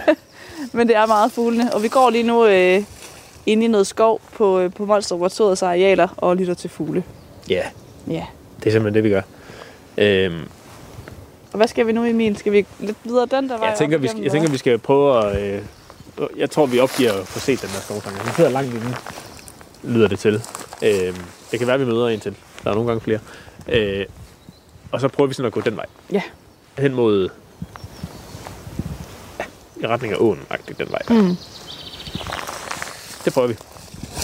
Så kan det være, at vi skal... øh, Tiden den går jo også. Det kan være, at vi skal sætte det lange ben lidt foran, og så, øh, Ja. så komme lidt videre. Jeg har også lige været et dyr inde og skrabe lidt i den her røn. Ja. Simpelthen, jeg kunne bruge timer på bare at liste rundt i den her skov her. Jeg synes simpelthen, det er så fint.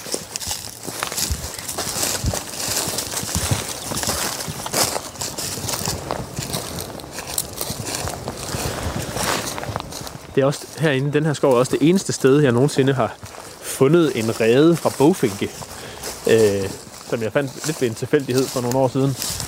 Øh, og det, den var simpelthen øh, bygget af lav. Det var, det var ret fantastisk.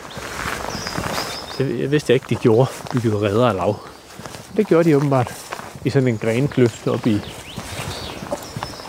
10 meters højde. Det var meget, meget fint. Det tror jeg, der var noget den dag. Ja, det, det kan godt passe. Jeg synes, det- Ellers har jeg i hvert fald set nogle billeder af det. Jamen, siger det kan godt være, du var. Det var sådan lige her omkring. Der var også øh, stær, der var flyttet ind i det her træ.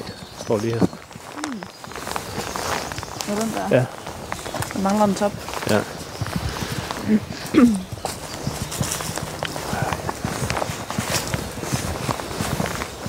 Forårsskoven.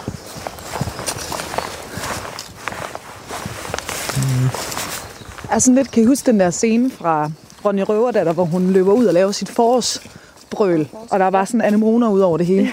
Det er lidt sådan, det ser ud lige nu, synes Ja, jeg. det er det.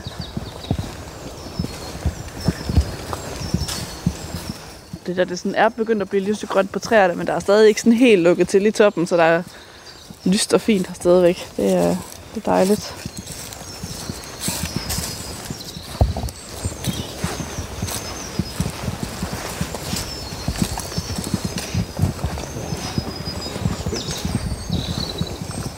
Faktisk en plante her, som øh, passer til måneden, vi er i. Det må man sige. Majblomst. Den blomstrer så ikke endnu. Men og det er sådan en, øh, er det lidt en kold, er det en konval egentlig? Noget konval lignende. Men den har kun et blad. Så det er sådan et blad, der kommer op på jorden. Og så kommer der sådan en enkelt lille pind op med en blomst på på et tidspunkt. Så laver den til gengæld sådan lidt sådan tæppe. Så der er sådan, det er ligesom der kan være anemoner i tæppe, så kan der så også være majblomst i tæppe. Ja. Og det er der lige her. Der står også en anden lille... Nå ja, en lille skovsyre, der rent faktisk blomstrer. Ja. Og dem er der flere af inde i her. De står i skovbunden og ligner lidt øh, anemonerne, men har, når man kigger efter, nogle helt anderledes blomster, som er... Ja, de er også meget, meget fine. Og nogle anderledes blade. Ja, ja, også det. Men skovsyrebladene kender man måske, hvis man har gået sådan og spist dem som barn. Smager godt. Frisk syrligt.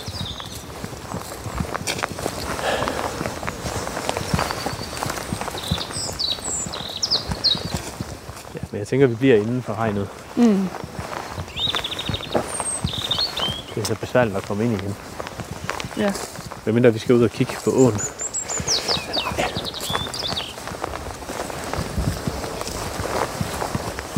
Den siger da også en lyd. Den Men jeg ved ikke, om det er en forårslyd nødvendigvis. Det er vist en helårslyd. Ja.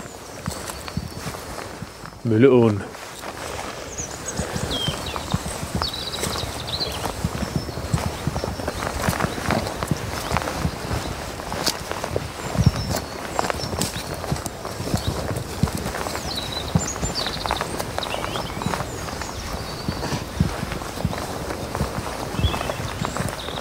Ikke være lade med at blive lige sådan en lille smule nervøs over at gå her. Den allerførste reportage, vi lavede, der skvattede jeg her og røg ind i hegnet og alt muligt. Lige ned i en mudderpøl. Ja. Jeg fik ikke engang stød. Jeg ved ikke, hvordan jeg klarede det. Det kan være, det var den der mega tykke regnjakke, du havde på. Ja. Det tog det hele. Men du det var- landede jo simpelthen direkte oven på de der tråde, hvad hedder det, Ja, der er ligesom tråde tre der. tråde. Ej, Okay, det er noget af en mudderpøl, det her. Nå, må det ikke ligesom lige kan komme igennem i midten eller et eller andet? Sådan ud. Det føles faktisk rimelig fast, Ja. Siger hende, der render rundt i, i sneakers. Der er nogen, der har været ude og tage nogle prøver eller et eller andet, eller hvad? En kratlusker, der har tabt et, Et glas. et glas til at have biler i, eller bier, eller what else. Ja. Det kan vi da lige tage med, så det ikke ligger der og Der var ikke noget i, kan afsløre, så det er ikke fordi, de har mistet et dyr. De troede, de skulle hjem og finde ud af, hvad det var. De har bare mistet et glas. Men altså, hvis man nu kommer her på et tidspunkt, hvor det ikke er dejligt forår, så, øh, men vinter for eksempel, så er Mølleåen jo også et godt sted til vandstær for eksempel. Øhm, og der skulle efter sine også ret ofte være isfugl, øhm, som måske faktisk har ynglet sidste år, eller forrige år, eller begge dele.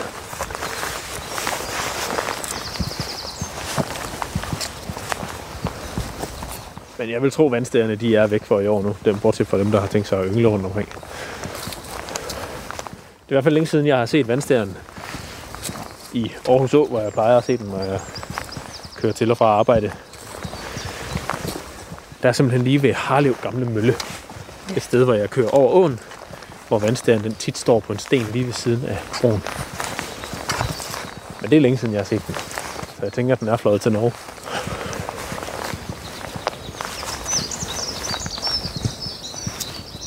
Eller hvor den nu skulle bo henne.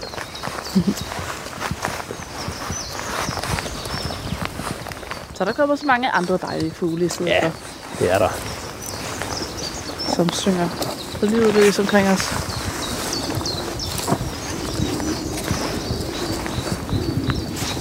er jo en fin lille bæk. Tjitja, tjitja, tjitja. Der var et eksempel på grænsangeren, der ikke var sådan helt, Ej, er ikke, ikke regelmæssig. helt regelmæssig.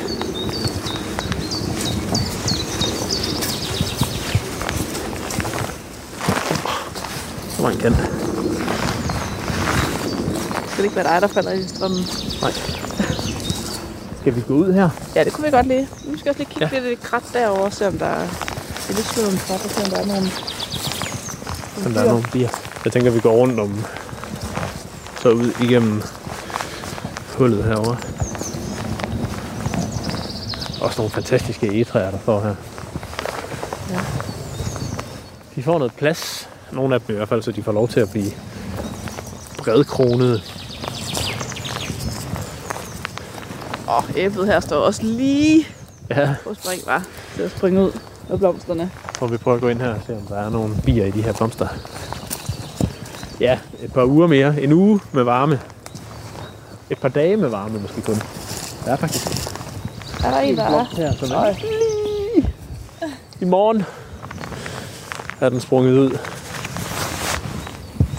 De her, de her skovabil æbletræer her, de er simpelthen så flotte, når de står og blomstrer i fuld flor. Ja. Jeg har været herude nogle gange sådan... I hvert fald en gang har jeg oplevet at have sovet herude i starten af maj, sådan noget 5. 6. maj eller sådan noget den stil. Så stå op en morgen for at gå ud og se på morgengryet med de flotte blomstrende æbletræer over det hele, og så lå der bare 5 cm sne. Eller 3 cm sne nedenunder. Det var lidt... Øh, det er også det, maj kan. Maj kan også godt pludselig være vinter. Men er der noget liv? Ja, ikke lige. Blæser måske lidt rigeligt her. Ja, så skulle vi nærmest Skal vi lige se her, tilbage. om der er lidt læ. Der, Der var et eller andet, der vimsede der. Hvad var det? det synes noget, jeg heller kan se. Og hvad er det for noget, vi går og kigger i nu? Ja, nu er det, det er slåen. Det er slåen igen. Stor Ja. slåen. Og der kunne lige være nogle Krat. insekter, der havde lyst til at få lidt at spise herfra. Ja. Det kan du godt forestille sig. Ikke meget Vi har liv. slet ikke set nogen sommerfugle Nej, det har vi ikke. i dag. Det er lidt rigtigt. overraskende faktisk. Der kunne godt have været en citron sommerfugl, eller Nelles takvinge, eller... Jeg så min første aurora i går. Og grøn busk sommerfugl flyver også rundt omkring og sådan noget, så der, der kunne da godt være, kunne der godt være sommerfugle.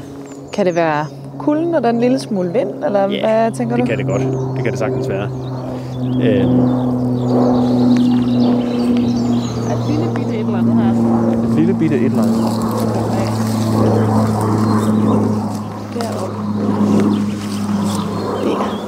Åh oh ja, det er godt nok en lille bitte bi.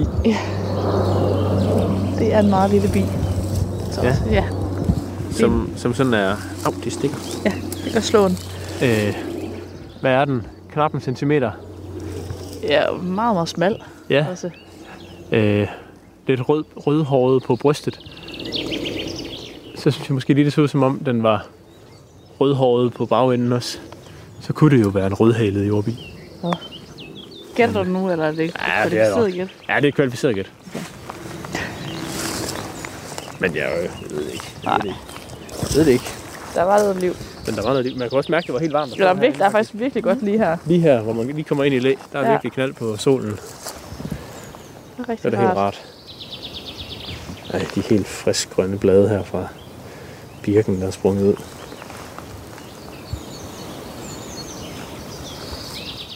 Men det er jo også noget af det, der... Altså lige birk, den kommer måske mange steder, ikke? Men her, der kommer den i hvert fald op inde midt i, øh, i slåen, som er et godt sted, hvis man er et træ, der gerne vil spire. Øh, fordi det er svært for øh, de store planter at komme ind med deres tænder og spise de helt nye små træer, når de vokser inde midt imellem øh, øh, de her stikkende slåen. Der er noget lidt... Ja, det er en eller anden flue-ting. Ja, Og den ser da virkelig sjov er ud. lidt sjovt. Den ser da faktisk meget, meget sjov ud. Kan jeg tage et billede af den? Det er jo den store. Der er jo ikke makroen med.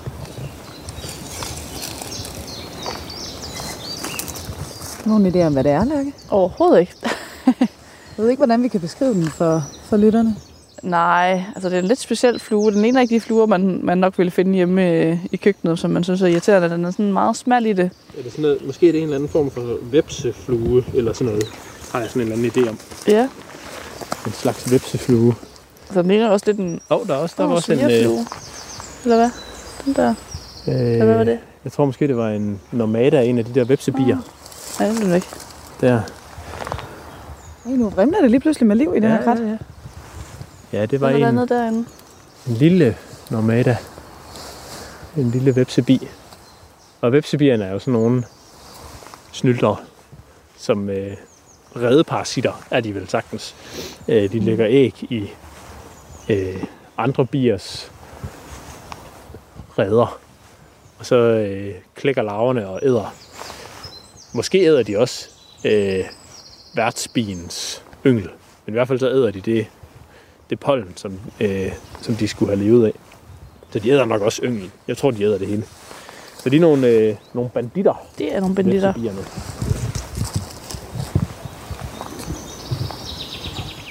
ser ikke, der er en sol, eller en sky på solen. Så Ja. Så det er nok lidt stille igen. igen. Men det er virkelig, det er altid sjovt. Det er altid sjovt, det der med at stille sig sådan i læ, hvor solen skinner på sådan en blomstrende busk der. Bare stå stille og se, hvad der kommer. Der kan være masser af liv. Pil er god i det tidlige forår, og så efterhånden som... Øh... Oh, ja, lige rundt om ørerne. Efterhånden som man kommer lidt længere hen, så er det jo mirabelle og slåen, og noget af det næste, der kommer, er øh, øh, hvidtjørnen, der springer ud og sådan noget. Det deroppe, det er en stenhumle. Øh, sådan helt sort, helt sort humlebi med, med orange bagende. Prøv at se, om vi kan fange den på optageren. Den summede godt, da den lige fløj forbi mit øre før. Men lige nu sidder den jo bare og spiser. Ja, nu sidder han stille.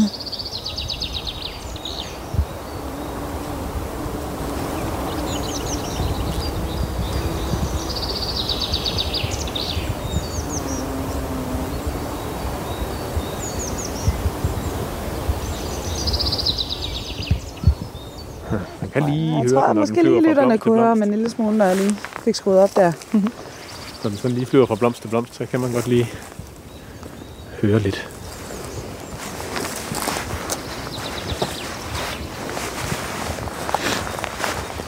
Men Nu spurgte Lærke jo før, om, øh, den, om de rødrykkede tårnskader er kommet hjem. Og det, ja. det, det tvivler jeg på, det er stadigvæk meget tidligt til dem. Men hernede på det her, på det her stykke her, der plejer at være et par inde i det her slåenkrat herinde foran os. Nu er der kernebider igen deroppe. Som bare siger tip, tip, tip. Eller noget i den stil, når den flyver henover. Men jeg tvivler på, at de rødrykkede tårnskader er kommet nu. Det vil være meget tidligt. Er det flipkraver alt det der? Jamen, jeg, jeg, jeg ved ikke, hvorfor vi har den her snak hvert forår, men vi er altid sådan lidt flipkrav, roset springklap. Og så er der en tredje også, som også er også den lille de vorgæslinge der blomst. små Og-. Men det her, det er. Det er flipkrav, som har den her bladroset mm. øh, helt nede ved jorden, og så sådan en enkelt stængel op, og så sådan et hoved af små hvide blomster. En af de små fine korsblomster, der blomstrer i foråret. Den er meget sød. Flipkrav. Og nok den øh, mindst almindelige af de tre rosetspringklap og vorgæslingeblomst og flipkrav. Den er sød. Så kan jeg se, der bliver sådan øh, lyslilla her på et tidspunkt, og gult. Der er i hvert fald masser af øh, lægeærenpris, som kommer til at blomstre med sådan nogle lyslilla, lyserødlige aks øh, senere. Øh, og så er der kongepind og øh, håret høvet, som, øh, som har gule kurblomster. Ja.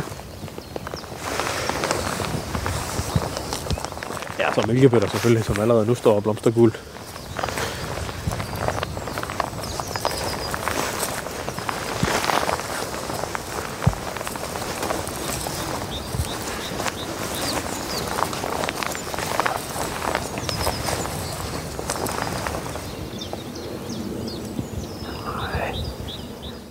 er ingen tornskader derovre. Mm.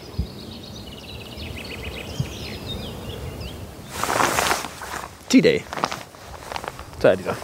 Det tror jeg. Hvem mindre det bliver vinter. Så kan det godt være, at de venter lidt. De, øh, det er jo sådan nogle rødrygge tornskader, som virkelig lever af store insekter. Og store insekter, de vil også gerne have noget varme. Så, øh, så tornskaderne, de, øh, de venter, lige, venter lige lidt med at komme til, der er noget at spise. De kan også godt tage en mus, øh, eller måske en, en småfugl, hvis det brænder på. Men øh, de vil helst bare have store insekter. Et mark kunne de måske også godt finde på at spise. Radio 4 taler med Danmark. Ja, men lige for at, at, at genopfriske, hvad det er, vi laver i dag, fordi vi, vi kommer også til at gå lidt og, og komme ud af nogle tangenter.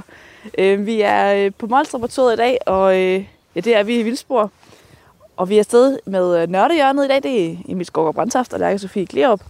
Og vi øh, er ude og finde foråret, især lyden af foråret, så vi har talt rigtig meget om fuglesang og summende bier og kvækkende frøer har vi også lige været lidt inde på. Og så kigger vi også lidt på planter.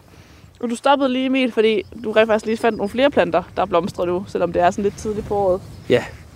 Øhm, og det er den her, øh, den her lyserøde sag, der står og blafrer i vinden hernede. Der kom lige nogle lidt vind. Jeg håber ikke, der også kommer... Nej, der er vist ikke vand i de skyer der, men der kom lige lidt, lidt vind.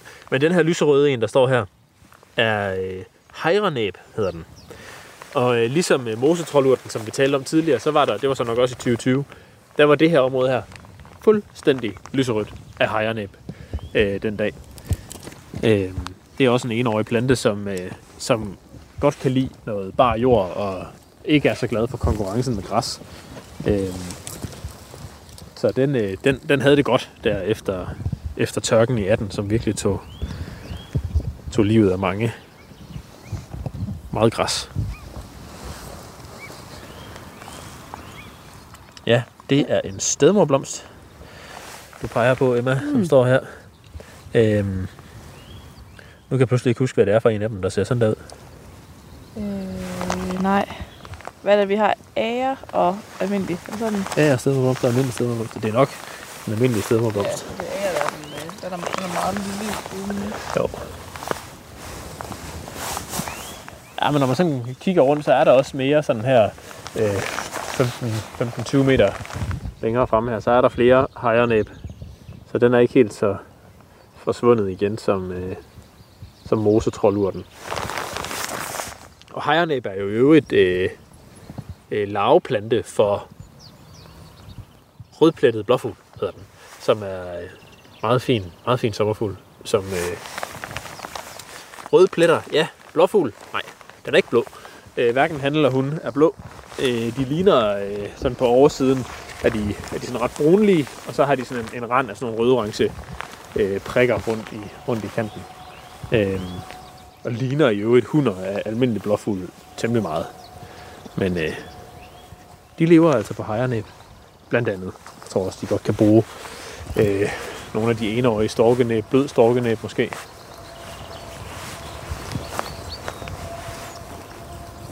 Ja. Ja, ja. Er der noget mere, vi er på jagt efter her i den sidste del? Ja, det er da et godt spørgsmål. Jeg ved ikke, om der er noget sådan... Jeg synes egentlig, vi har set mange af de ting, også, vi, vi har. vi håbede at, at støde på. Altså, vi kan jo stadigvæk godt lige kaste et blik på øh, majgøurter, når vi går tilbage.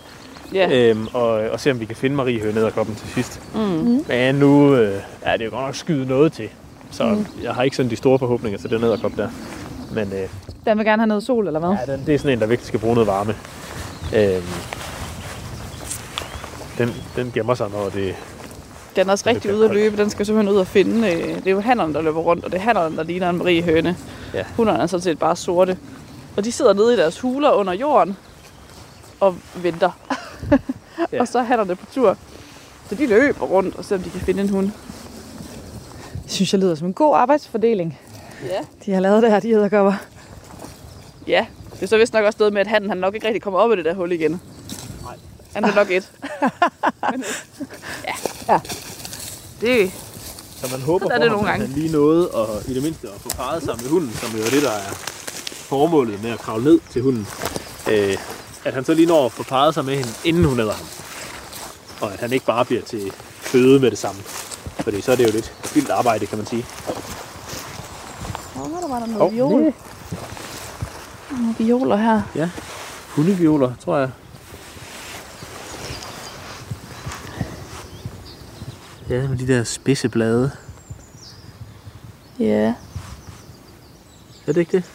Jo, jeg synes bare lige, at øh, sporen er så hvid. Er den også det på hundeviol? Øh, til synlædende. Og så var jeg lige ved at prøve at se, og det er ikke noget med, der er jo... Hvordan er der ikke blade på stænglerne, hvis det er... Eller hvordan er det? Altså, i hvert fald marsviol, den laver jo de der rosetter, og så laver den sådan en, en Ja, men der ja, er ikke også noget med... krat og skovviol, de, øh, de, de har jo De har blade på blade. stænglerne. Ja. Du er nok ret i, at det er hunde. Ja. Det er lang tid siden, jeg har set den, føler jeg.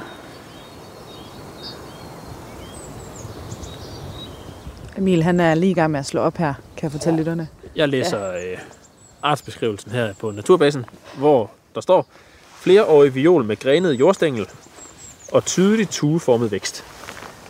Ja, der- de står der sådan lidt i ture, dem her. Hvad er det ikke det? Ja, de er da i hvert fald sammen med.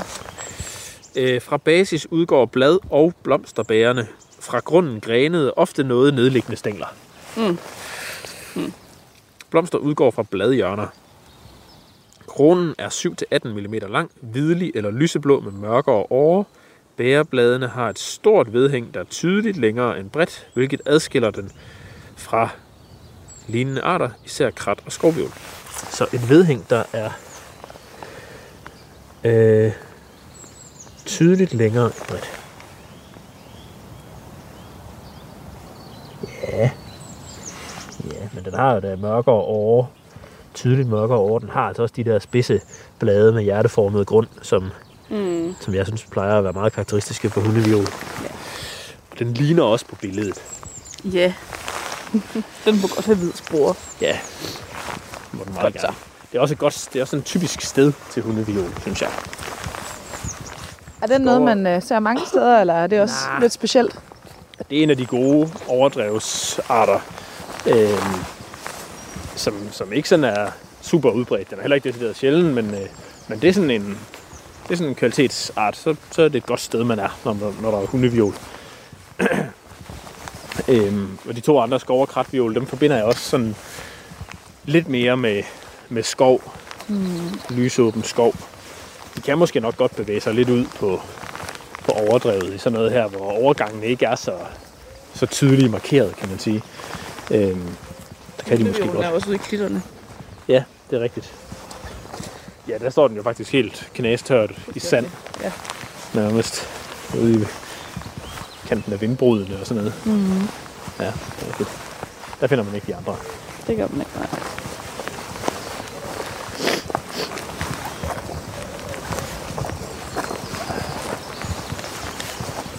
Hvor der var en bil. Lige her. Ja. Humlebi af en slags. Ja, en af jordhumlerne.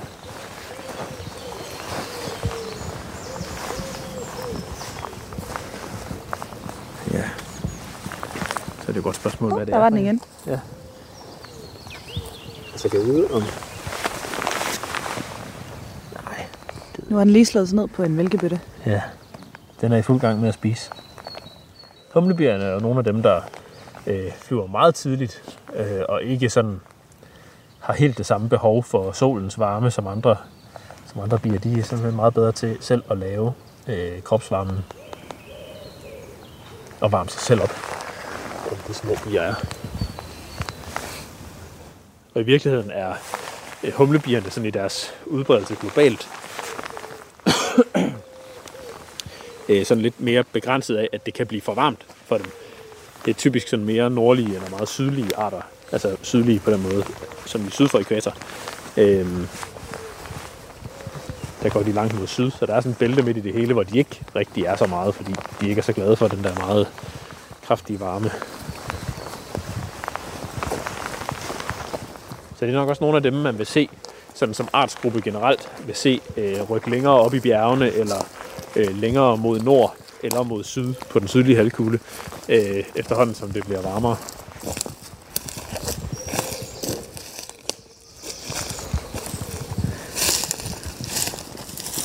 Og nu ved jeg, at I skal jo desværre ikke med på naturmødet. Nej. For første gang, Emil, ja, det eller er hvad? første gang, jeg ikke skal med på naturmøde. Det er også lidt vemodigt. Ja, det er lidt mærkeligt. Fordi det er jo en, en ret fed forårsaktivitet. Ja. Men er der andet, I tænker, altså hvis, hvis lytterne, altså nu, det kan jo være, være hele Danmark, så det er jo selvfølgelig lidt svært. Jeg ved, der er meget at vælge imellem, men hvad vil I, hvad vil I gerne ud og lave her i foråret? Altså, øh, lige i den weekend, der kommer her, der skal jeg til Anholdt. Og det er for at kigge på fugle hele weekenden. Øh, så det vil jeg da bare sige til folk, at de skal komme ud og se nogle fugle. Ej, det er næsten for nemt. Det er på, Der er jo... Øh, også meget på nørdeplanet, det der. Ja, det skal ja. ja. ud og se, om du kan finde noget sjældent på Ja. linje med, med den stribede ryle i dag. ja.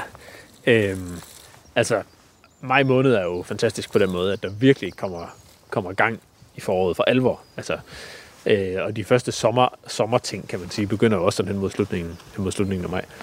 Orkideerne blomstrer rundt omkring. Tag til Møns Klint i sidste halvdel af maj, eller Møn området i det hele taget og se, det ved jeg ikke, i hvert fald et tocifret antal orkidearter. Øh, og øh, sommerfuglene Sommerfugle, begynder. ja. Det var ikke så længe før okkergul pletvinge begynder at flyve, for eksempel spættet bredpande på de gode steder. Kunne vi møde den i dag? Ah, jo, måske. Måske lige tidligt nok. Hvis det havde været lidt varmere. Men altså, grønt busk sommerfugl flyver, og øh, aurora flyver nu. Skovblåfugl flyver nu. Øh, det var ikke så længe før almindelig blåfugl. Løvskovs langhornsmøl flyver nu lige forbi os. Ej ja. Den var ret fin. Jeg tror nok, det er den, der hedder Løvskovs Langhornsmøl. Prøv lige at komme her, lille ven. Ui, hvor den skinner, var. Ja, den er sådan helt metallisk på vingerne. Og så har den de her sindssygt lange antenner, Ej, hvor er den flot. som sådan er helt hvide. Wow. Den vil besidde, så jeg at tage et billede af den. Det er simpelthen Ja. antenner, det der. Ja, ja, de der lange flapper, der stikker ud. Ej, hvor ser De der vild ud. langhornsmøl der, de er virkelig specielle. Jeg tror nok, det er den, der hedder Løvskovs Langhornsmøl, den her. Sådan helt skinnende, da den kom flyvende Ja. forbi. Den er virkelig fin. Ja. Den ser helt overdimensioneret ud med de der ja, antenner. det ser helt altså, de er jo ud. kæmpe store i forhold til resten, Ja. men hold da op. Skal vi lige prøve at slå den op? Hov, hvor flyver den ind?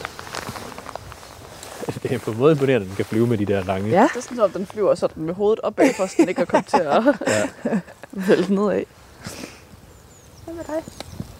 Mm. Hvad med dig, Lærke? Er der noget særligt, du gerne vil se her til foråret? Øh, jamen, jeg, jeg tror sådan, hvis jeg skal give en anbefaling videre, så synes jeg, at vi kan godt blive lidt i det spor, vi har været i dag. Altså Det er bare sgu ikke den. det var en anden langhåndsmølle. Øh, kom ud og prøv at, øh, at lytte og duft og sans naturen, fordi der er jo virkelig meget at opleve, og der sker bare så meget lige nu. Og så kan det godt være, at man ikke kan finde ud af, hvad for en fugl det er, der siger noget, men man kan jo prøve lige at gå ud og lytte og, se, hvor meget forskellige lyd der er. Måske også bare ude i ens egen baghave i virkeligheden. Ja. Hvis man har fodret fuglene, så kan det være, at de stadigvæk bliver hængende og er Ja. ja. lidt interesseret i at være der.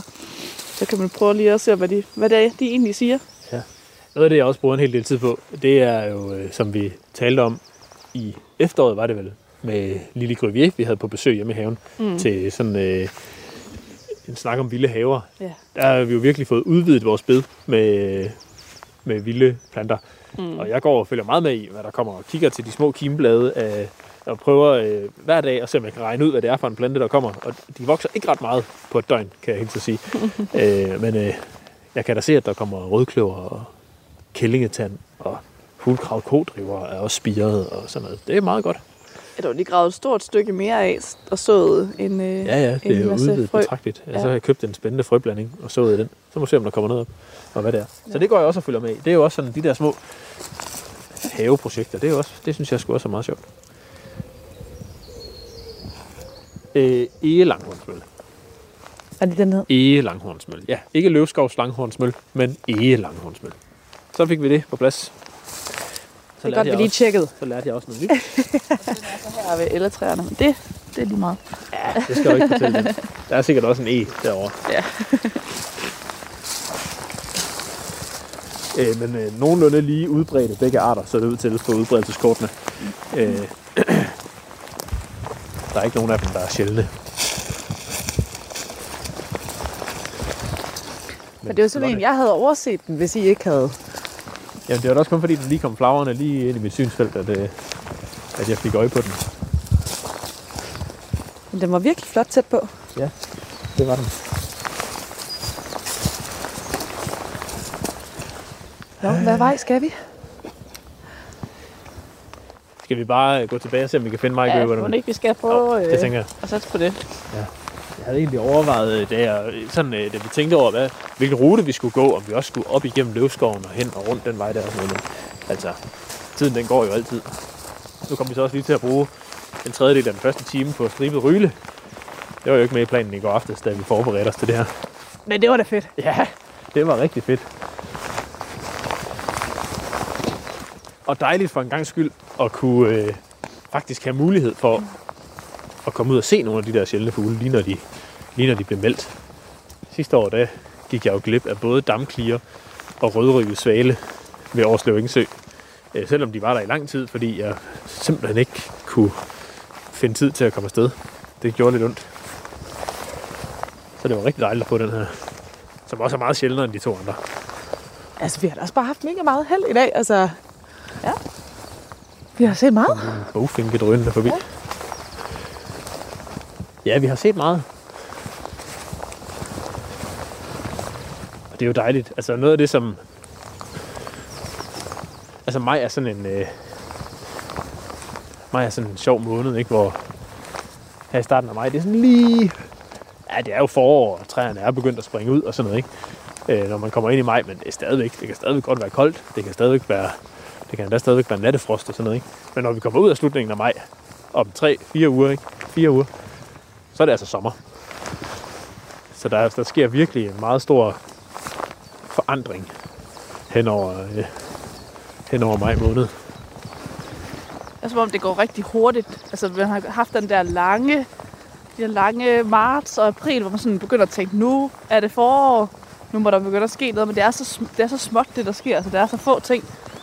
En enkelt fugl hister her, der kommer tilbage fra vinterkvarteret, og det er et enkelt plante, der springer ud, hister pist, og lige pludselig så siger det bare, rush, og så er det hele, der var på én gang.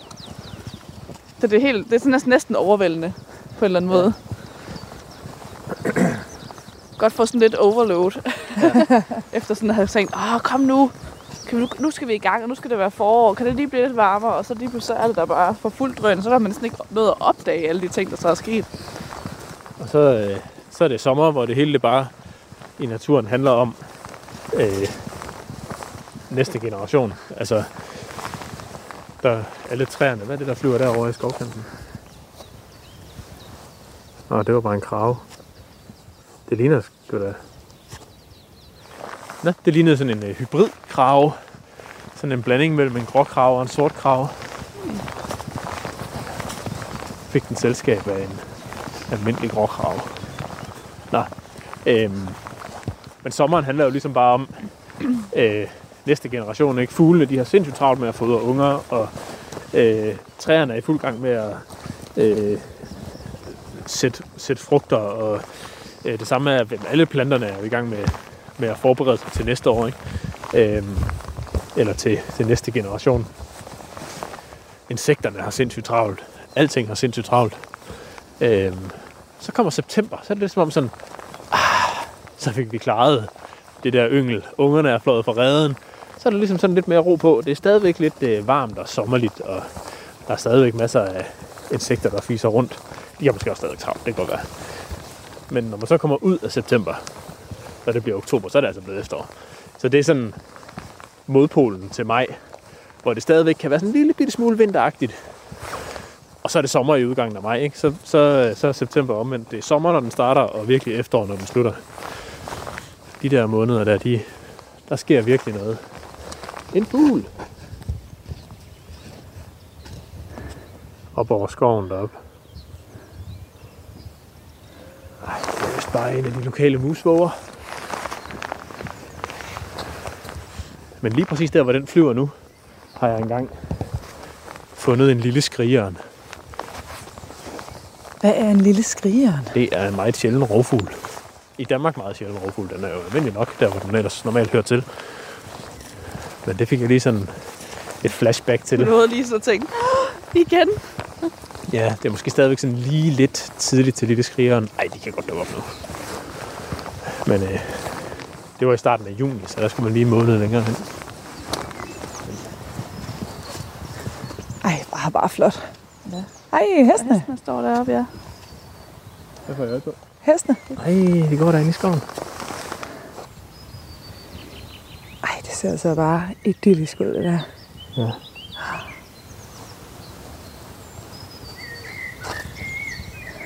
Og det er godt lige med en træstamme at klø sig på. Altså, vi kommer... Hvad hedder det sletten, det her, vi går på, Emil? Ja. Kommer gående ud fra sletten, og nu står hestene op på en bakke mellem træerne. Ja. Det er så fint. Det er så fint.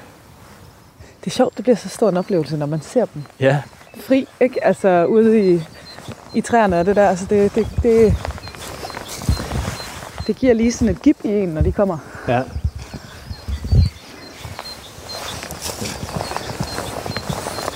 Kommer de gående deroppe. Jeg synes, jeg synes virkelig, de hører til.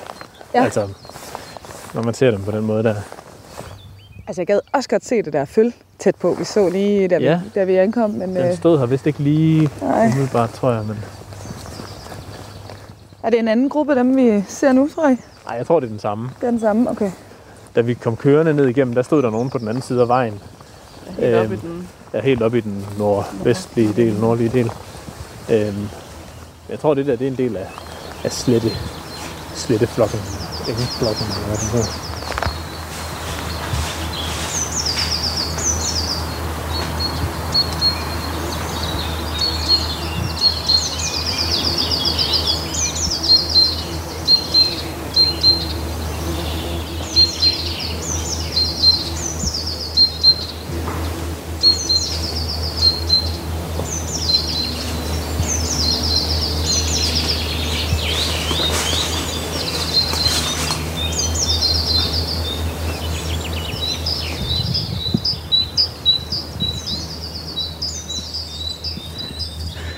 Nå, jeg var lige henne og optage fugleglyder hen i busken. Og så har I fundet fældet. Så har vi fundet følget, ja. Står lige her sammen med en lille gruppe af, hestene hernede fra slette flokken. Ja. Ja, vi står bare og hygger.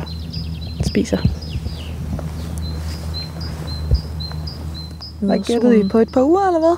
Ja, jeg tror nok, det er et par uger gammelt, eller noget af den stil. Lille ven. Ja.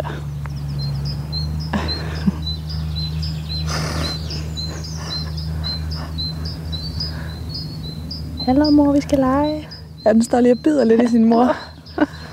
Opmærksomheds. Krævende der.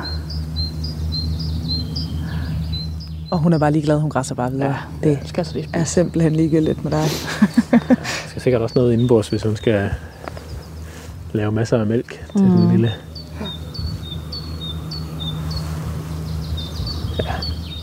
Det er jo heller ikke noget dårligt sted at slutte øh, vores lille forårstur her, tænker jeg. Jeg synes, det er meget, meget fint. Mens man står her og kigger på, øh, på heste og på et lille følge, og der er fugle, der synger, og ja. lige bag så er der helt gult af engkappelejer. Ja. Ja. Det må slet ikke noget at snakke om, men øh, de er der altså også. Hmm. Det kan vi, vi kan vist ikke slutte meget bedre, end det her var. Det tror jeg ikke. Så man ikke bare vi, øh, jeg skal se at sige tak for nu, og tak fordi I lyttede med. Og øh, vi håber, I kommer ud og finder noget forårslyd og noget forårsstemning selv. Hvor end I er hen i landet, så skal der nok være blomstrede krat og syngende fugle. Og måske også nogle følge på nogle marker rundt omkring, hvis I er heldige. Og så mangler vi jo øh, sådan set kun dagens haiku, og det kommer her. Fuglesang i krat, kom maj, du søde Mille, sletteflukkens føl. Programmet er produceret af Videnslyd for Radio 4.